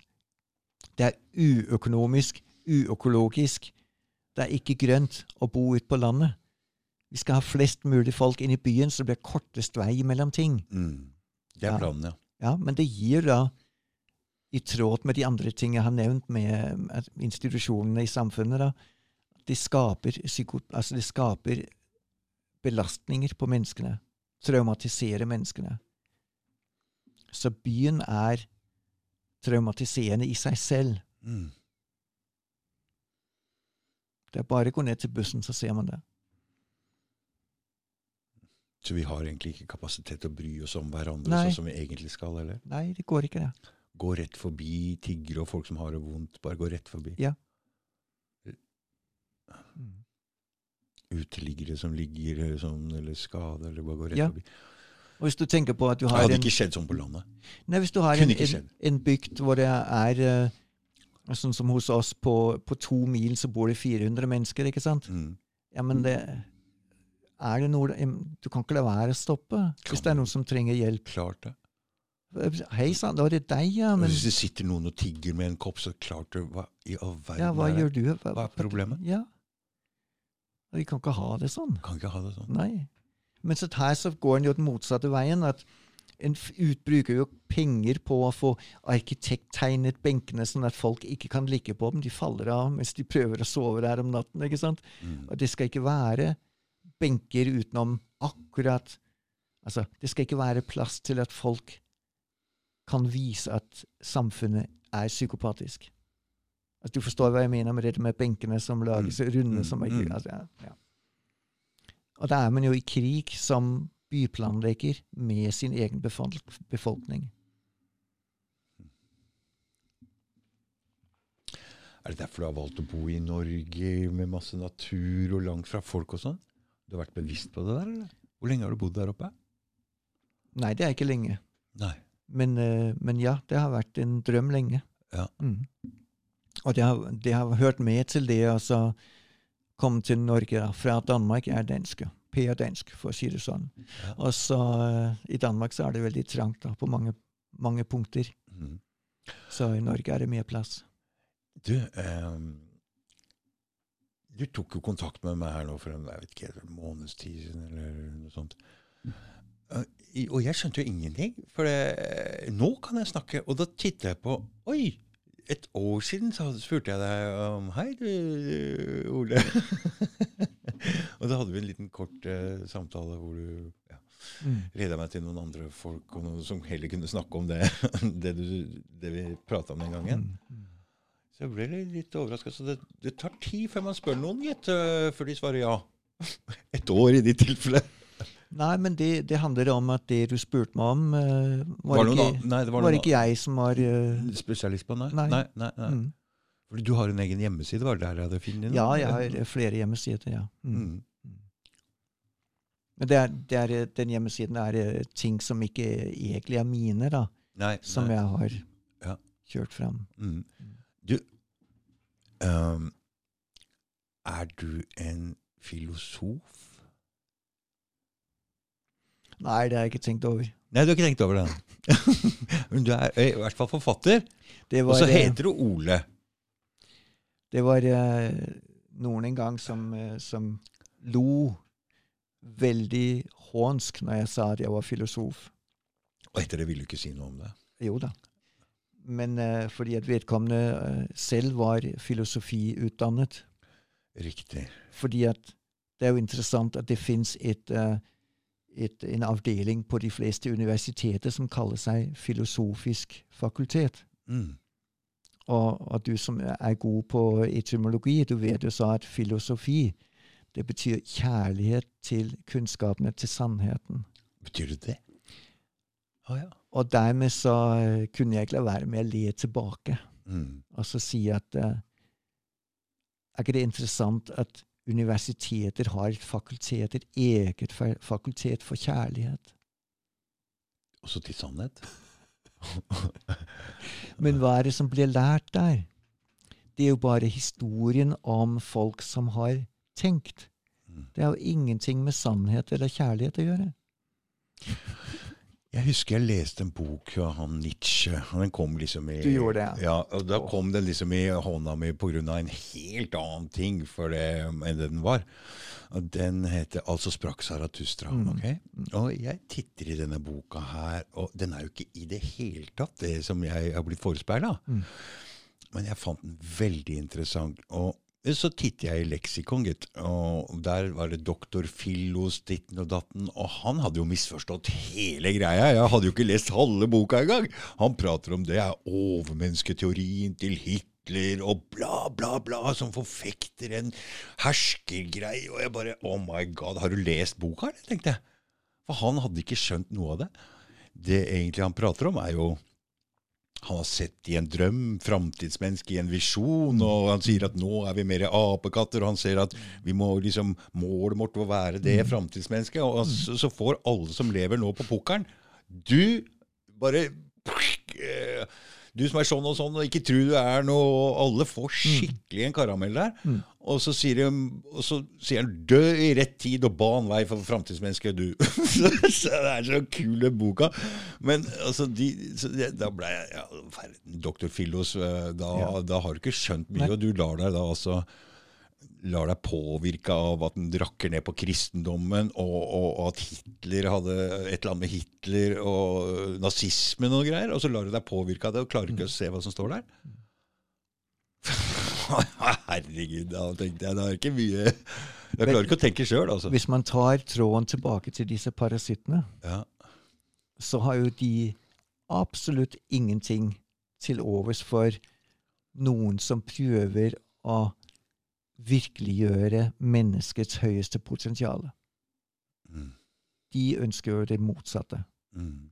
De ønsker jo å gjøre mennesket til en kyborg. Altså bygge mennesket sammen med en maskin som kan virke i, det, i et stort sånn som et, et uh, vepsebol eller en Jeg eh, at, de, jeg skjønner ikke at men, men, men potensialet til mennesket er jo så stort. Ja. Ikke sant? Det. Så hvordan, hvis vi klarer å få med alle egenskapene framover og få Så kan det bli noe altså jeg, jeg, ikke, jeg, skjønner, jeg skjønner, bare at det kan bli noe mye mer enn det som Ja. mennesker som lever i dag. Ja. Men da trenger vi jo alle med.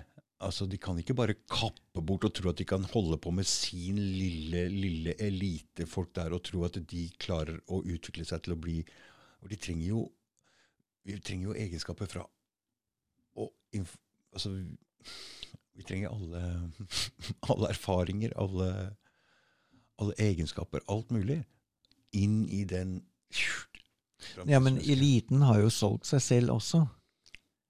Det er jo ikke der det, ikke der det skjer. Nei. Det er jo i den makten som ligger bak dem, som styrer dem. Mm. Ja, for det er ikke noe tvil om det. Nei. er det det? Nei, jeg eh, eh, Altså, jeg er litt sånn Jeg, jeg går fra å være helt 100% Får en slags sånn gang Nå skjønner jeg alt. eh, egentlig lite sånn Jeg tror det er et sånt lagrings... eh, jeg tror det er en sånn lagringsmekanisme jeg får i, i, i hjernen min da. Når jeg får en sånn veldig sterk forståelse av ting. Og så glipper det lite grann. Og så er jeg mer åpen. Og jeg tror det er sånn man må være. Jeg tror at hvordan hjernen fungerer, jeg tror den er sånn I det øyeblikket du får en så sterk forståelse av ting, så, så lagres det på en måte. Og så slipper det opp igjen for å, å få ny info inn. For det må hele tida Ja. ny info inn. åpne sånn ikke det blir Ja, og da er ikke den forståelsen så sterk igjen. Så jeg tror det foregår en lagring der, og så åpnes det opp, og så er det klar for å dytte inn mer, for det, man er aldri ferdig utlært. ikke sant? Mm. Så den forstår sterke greia, den skjer bare korte, korte øyeblikk.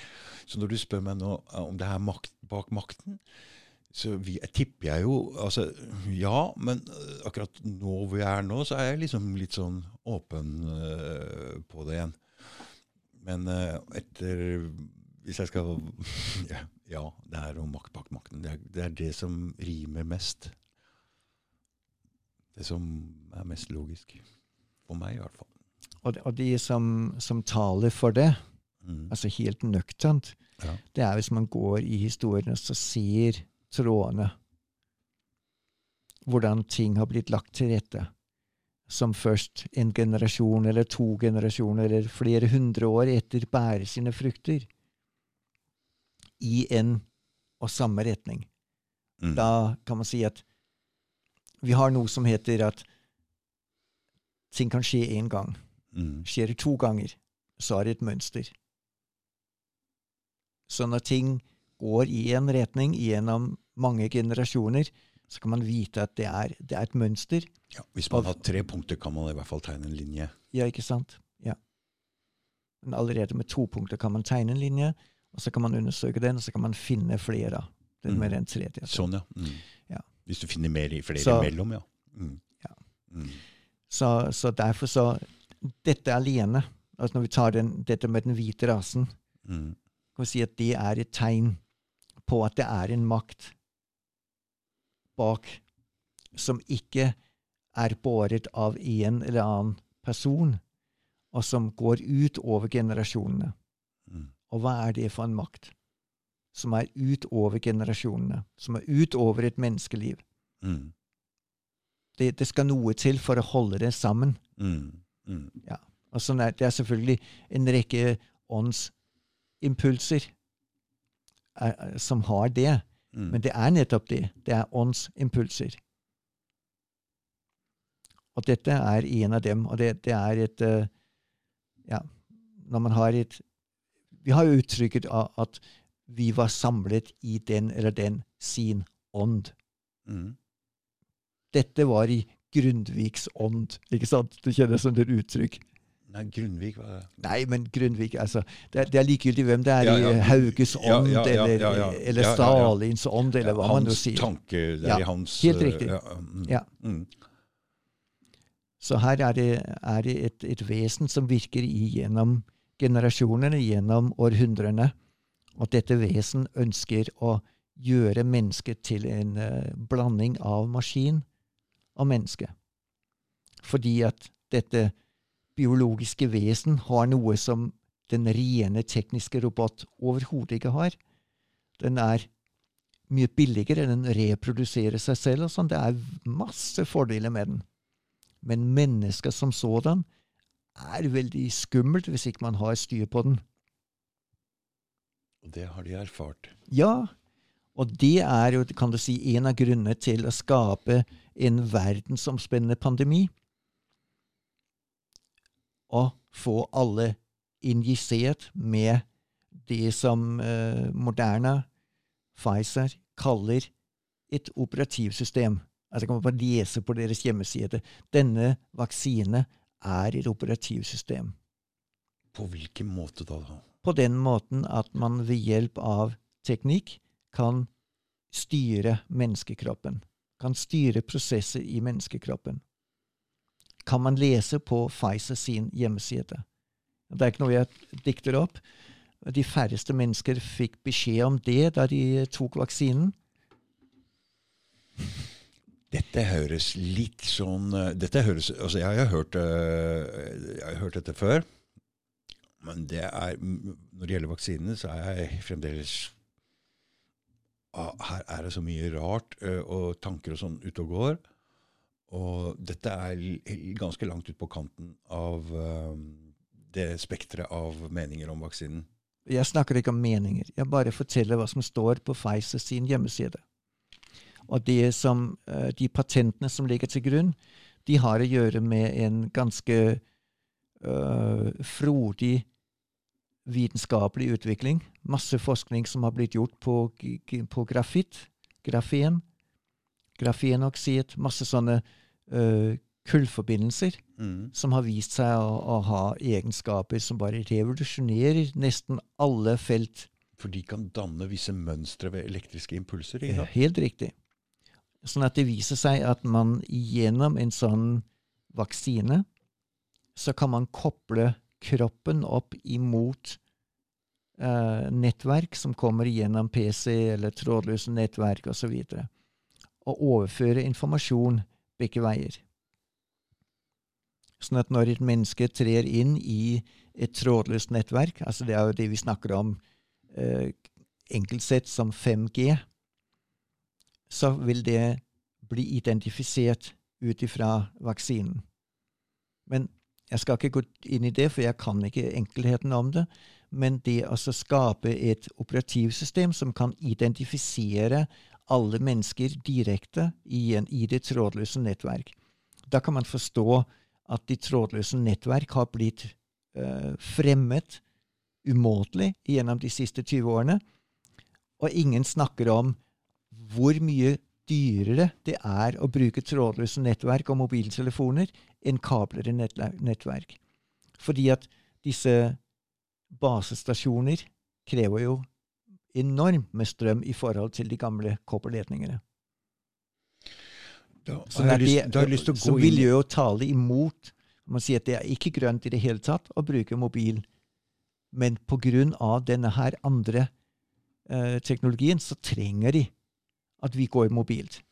Da vil jeg gjerne gå inn på noe, fordi um, det var jo et ganske mye mas her nå. For det var jo tilbud fra overalt om hvem som skulle bygge disse 5G-nettene. Og da ble det Det var ikke mange år siden her at det plutselig ble bestemt at det skulle i hvert fall ikke være Kina. Mm.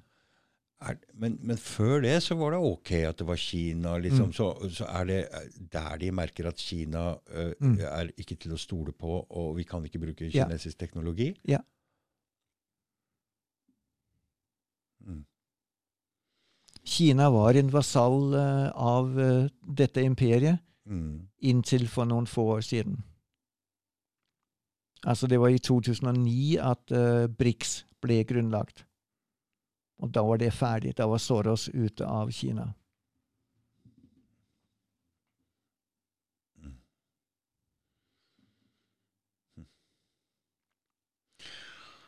Så derfor så vet en uh, at covid-19 skulle til for å få etablert vaksinering av alle mennesker.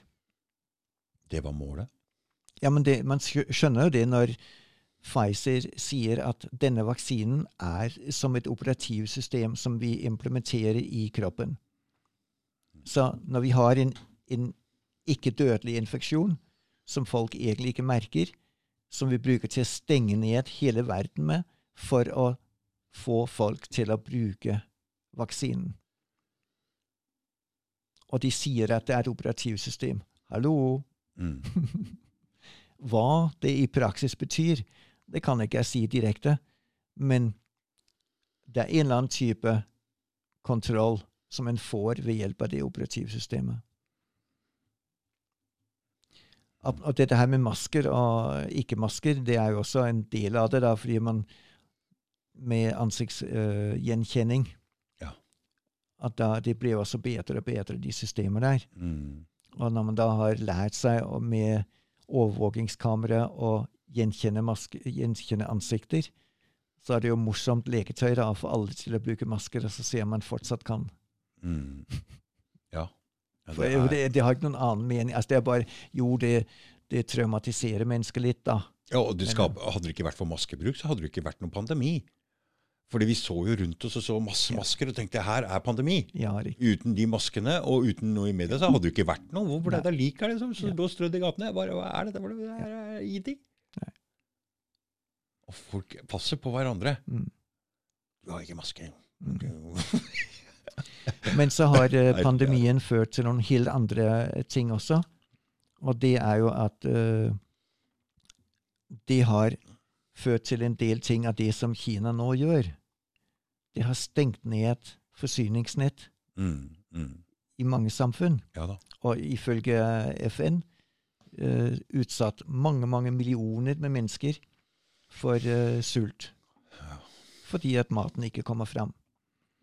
Ja. Og da kan man lure på hva er det som ligger til grunn for at vestlige land til og med skal oppleve nedstenging. Mm.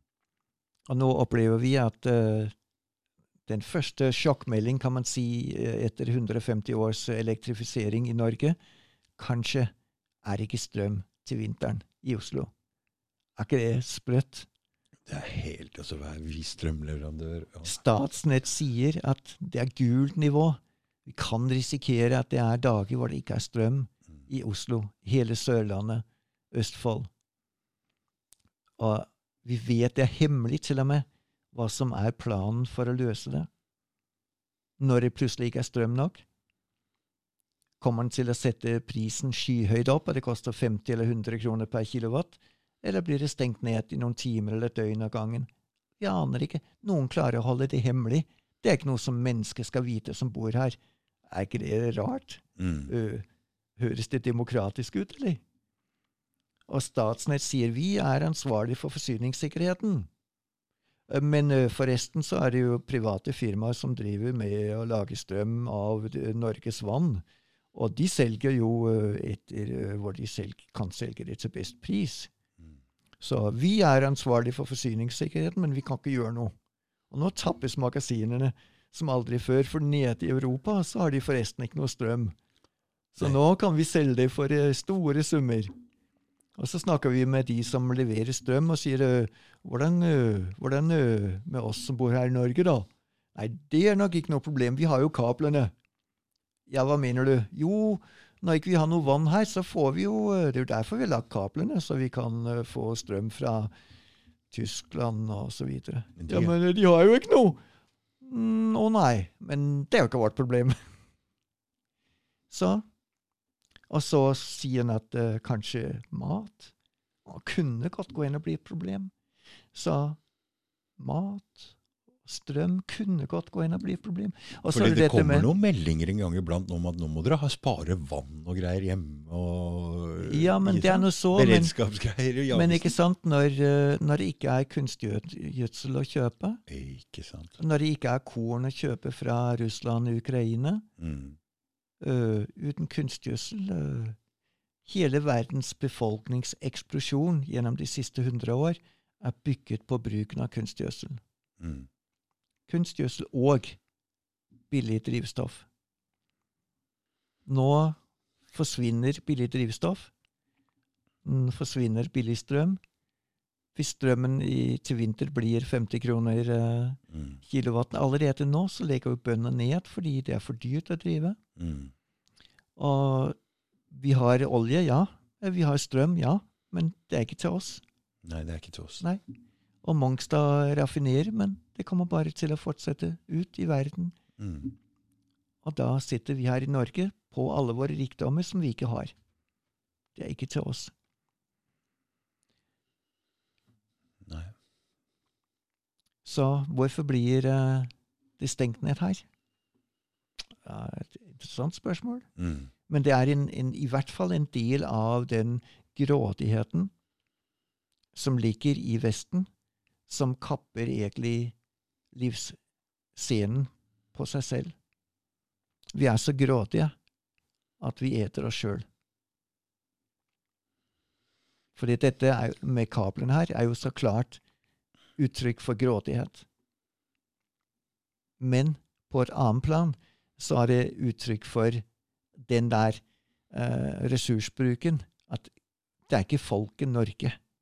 Det norske folk har ikke eierskap her. Nei, nei, Og er derfor så har også oljepengene hele veien gått ut av landet. mm. Handlingsregelen med å bruke én eller to eller tre prosent av oljeinntekten i statsbudsjettet, det er jo en avtale som er gjort med denne mafiaen, som Mm. tar resten. Mm. Norge er den største eier av eh, Det internasjonale uh, valutafond. Uh, eier. Pengene går dit, for å si det slik. Mm. Norge har enorme eierskap i boliger og, og eh, virksomheter, f.eks. i USA. Mm. Men vi eier jo ikke. I det øyeblikket dollaren faller, så er pengene borte. Mm. Vi kaller det vårt fond til Mm. pensjon. Mm. Pengene er brukt opp hvis man ser på statsgjelda. Mm. Hvordan kan Norge ha en statsgjeld som er like stor som, som pensjonsfondet eller oljefondet? Og så sier vi vi er verdens rikeste. Vi eier ingenting, vi. Jeg er helt enig med deg. Og en spennende ting er jo at hvis eh, Akkurat nå så Mm. går pengene ut av landet. Mm.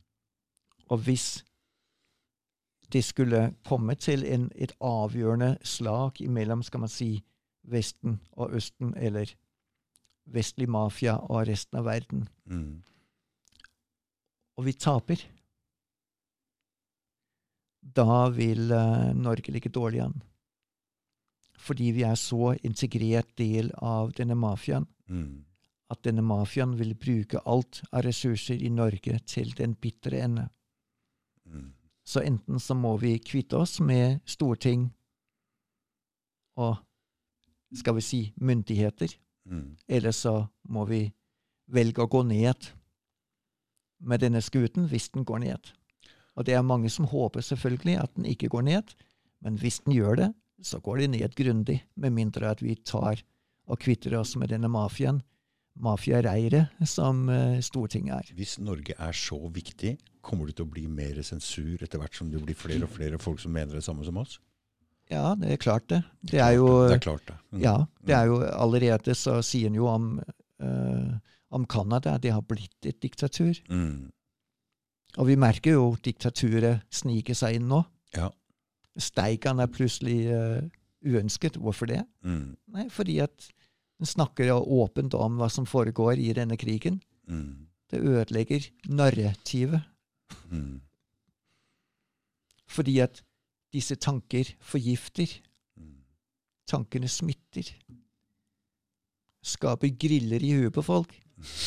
Når de tror de skjønner hva det handler om. Mm. Det er jo ikke bra. Var det ikke Gro Harlem Brundtland som sa allerede for ti år siden vi er i ferd med å miste makten over det folk tror å vite. Mm. Mediemakten. Mm. Og nå skal du jo lage et sannhetsministerie. Å ja, å ja, det hører med til diktaturet. Ja, det hører med. Jeg hadde jo Ingelen Diesen her, og han forklarte meg litt. han- Vi begynte å prate om hva er forskjellen på et demokrati og et diktatur og propaganda og sånne ting. Mm.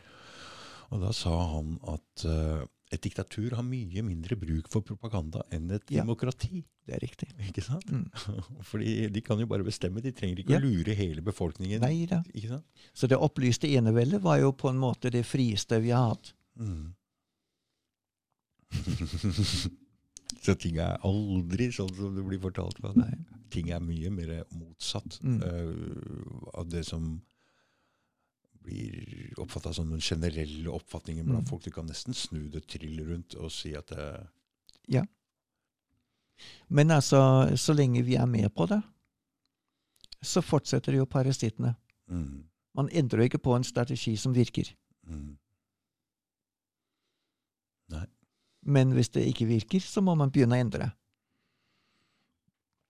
Så det er jo Hva lønner det seg for oss å bare holde oss helt i ro og håpe at Vesten vinner? Og aldri bli kvitt dette parasittiske systemet? Det- Eller eh, må vi eh, tørre å gå imot dette og kaste det, og tørre å bli kalt for forrædere, og i en eventuell konflikt med Russland og Kina, og hva gjør, hva gjør vi?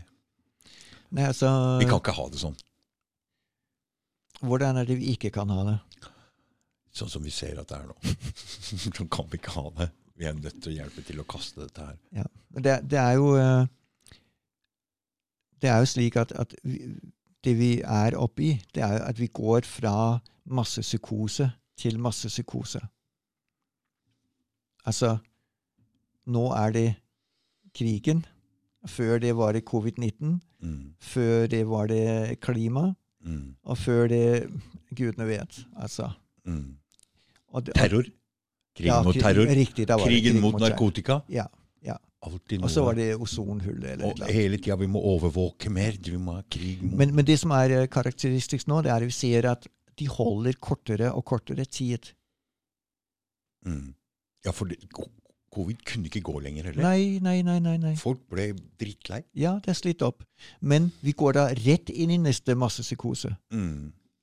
Vi tok første, andre, kanskje og tredje ma, eh, vaksinegreie. Nei, det der er bare fupp. Men så Mm. kommer det en ny greie, og så ja, så er vi helt på. Putin er den onde. så, så vi er Vi har behovet for massepsykosen. mm. Og, og det er jo en uh, hollandsk professor, Mehmet, som har klarert, og gjort det veldig, forsket på dette og gjort det veldig klart hvordan massepsykosen virker. Og det handler om at man tar vekk meningen med livet fra folk. Man tar vekk tryggheten. Og da kommer man med den felles fiende. Mm. Fordi Mm. da Og ja, du og jeg har munnbind på. Mm. Du og jeg kjemper mot terrorismen. Mm. Du og jeg, vi er sammen om Mm. mot den stygge Putin. Det er også en mening, ja. Fordi da, vi er inne da i en massepsykose. Mm. Men den er skapt kunstig. Mm. Og ett av oppleggene igjen, det er byen. Hvis ikke byen virker, hvis ikke folk trekkes inn i byen Folk ute på landet bryr seg ikke veldig om hva som foregår i byen Nei. eller i verden. Det er bare å skru av TV-en, så er det ikke der. Nei, helt riktig. Og derfor så Folk på landet er ikke så enkle å ha med seg å gjøre. Det skrev Kalleik i allerede. Mm. Disse folk ute på landet. Håpløst. Mm. Vi er nødt til å bryte opp forbindelsen mellom familien og land og mennesket. Og interessant nok så var det et av de grunnleggende begrepene i det nasjonalsosialistiske Tyskland. Blut und Boden. Når mennesker er knyttet til familien, er knyttet til jorden hvor en bor, til og med dyrke sin egen mat. Altså bare tenk på for 100 år siden. Norge var et såkalt u-land. Mm. Altså, u-land, det betyr at mennesker levde av å dyrke sin mat. Det er u. Mens Mm. det siviliserte land, det er der hvor man ikke dyrker sin egen mat. Hvor man ikke har noen forbindelse med sin familie, hvor familien er knust. om man ikke har familie med sitt, sin jord. Og derfor så er en av menneskerettighetene det handler om arbeid, retten til arbeid, retten til riktig lønn, retten til ferie, retten til kompensasjon hvis man er syk. Men hvor er retten til å ernære seg av et stykke jord? Det fins ikke det. Og da disse menneskerettighetene ble laget der i eh, rundt 50 Den aller, aller største del av menneskene på denne kloden var mennesker som dyrket et stykke jord og ernærte seg av det. For dem var det ikke noe rettighet. Det var ikke noe rettighet for det de gjorde. Nei. Fordi at det som denne mafiaen trenger, det er mennesker som er avhengig av systemet. At du dyrker en gulrot og drar den opp og spiser den, det er ingen glede av i et system. Og det er veldig mange mennesker tror har en formening om at FN, det er hinsides politikk. Men nei, FN er nettopp mafiaens politiske verktøy. De har jo lagd mat såpass billig. Jeg kan ikke fatte hvordan de klarer å selge en sånn stor kylling til 50 kroner. Ferdig lilla, ferdig altså, Det er jo ikke Hvordan klarer de å få den så billig? Altså, Da er den altså ala opp av bonden. Han er slakta og skrelt og frakta igjen i butikken, og alle skal tjene, og det er moms og alt mulig. ikke sant? og grilla til og med, og ferdig lever til deg for Ja. 50 kroner. Det er helt umulig å få til. Ja. Er det veldig vanskelig for eh, en bonde eller å drive noe eh, sånn da, og konkurrere med det? Ja. Eller at du skal gjøre det sjøl, f.eks.? Det er avhengig av nesten gratis strøm, drivstoff, kunstgjødsel. Mm, Forsvinner det. mm.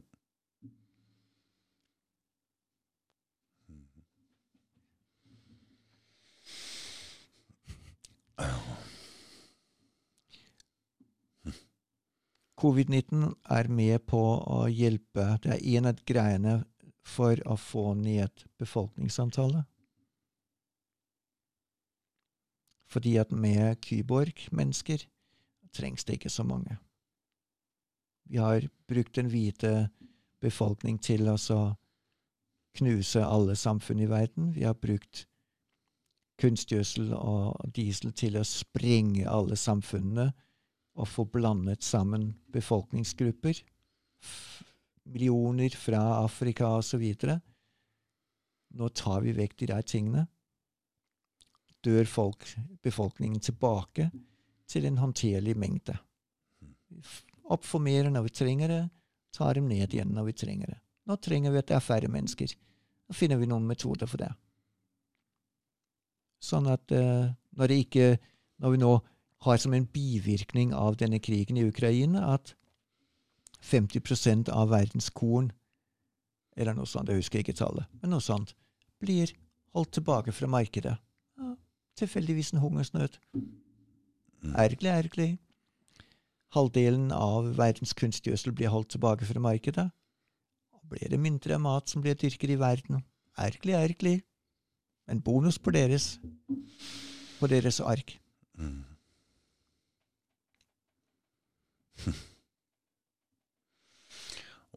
Det her er um... ja, men Jeg som en, så jo fram til det her, ja. At det skulle bli litt alvor, men nå er jeg litt mer skeptisk. Hæ? Jeg så jo fram til at det endelig skulle bli litt mer alvor i verden. Ja, men jeg tror Ja. ikke jeg veit helt hva jeg eh, spør om, ber om. Nei da, men da skal jeg stoppe her, ikke si så veldig mye. Skal ikke ta den til neste skritt. Å ja, neste skritt òg? Nei. Ja. Har vi prata nok, Ole?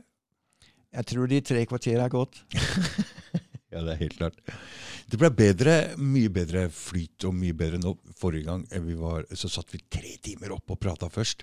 På et ø, område som jeg ikke er veldig Jeg syns det er litt vanskelig. Det er ikke et område som jeg er veldig god på, eller det er et litt sånn nytt område for meg. Så jeg synes det ble litt ø, Så etter tre timer så gikk vi ned her, og da ble ø, Så jeg syns jo den samtalen her i dag har vært veldig, veldig interessant. Veldig Litt bedre flyt, litt bedre Jeg vet ikke hva. Kanskje Du du, er- slapper av litt mer også? Ja, jeg gjør det. Jeg har liksom ikke noe agenda i dag, da. Nei, nei altså, Og du er bare fenomenal til å stille spørsmål. Å, jeg sier det sånn! Det sa du forrige gang også! Ja, det, men det, det er Det har ikke forandret seg. Nei, jeg tenkte du bare skulle skryte litt av meg. Ja, det gjør jeg, men det er virkelig Du er flott. Det er virkelig flott. Ja, men jeg er jo Jeg, jeg, jeg, jeg er jo Dette er jo veldig eh, Altså, jeg Det her har vært en um, veldig interessant og lærerik eh, samtale, syns jeg. Vi har vært innom masse em, spennende, litt kontroversielle temaer, uten å nevne de verste orda. Mener du nikker og gjør det, eller? Ja. Du får nå eh, klø deg i huet hva du skal kalle det her, da. Ja, det, det kan du hjelpe til. Du er forfatter. Du, hver, hver gang jeg har hatt en podkast, er jeg sånn du, Kan ikke du skrive tittel og, og, og, og, og hva vi prata om? For det, det er mitt store problem, altså. Her kan du bare slenge på en krafttittel, sånn at folk Åh! Du veit når han Håvard skrev sånn 'Norge er slangens hode'. Skriv det som tittel, så måtte jeg nesten skrive 'Håvard mener'. Fader. Men da ville, var det veldig mange som ville se. Eller høre på. Mm. Da, da, med en gang det kommer en sånn kraftig tittel, altså, Ja da. Ja, da er folk interessert. Ja. Så det er litt viktig hva som står som tittel, eh, tror jeg. Uh, Ja. Spre seg som bare det. jeg tror mine mm, seere og lyttere er litt som liker det der. Når det er noe skikkelig som drar tak i Da går de som hakka møkk. Ah, Haka møkk. Tusen takk, eh, Ole, for at du um, kom og um, kom med ditt syn. Jeg syns det var veldig bra. Takk for rommet. Mm. Ja, Trykk på knappen. Trykk på knappen. Denne gangen skal vi klare det.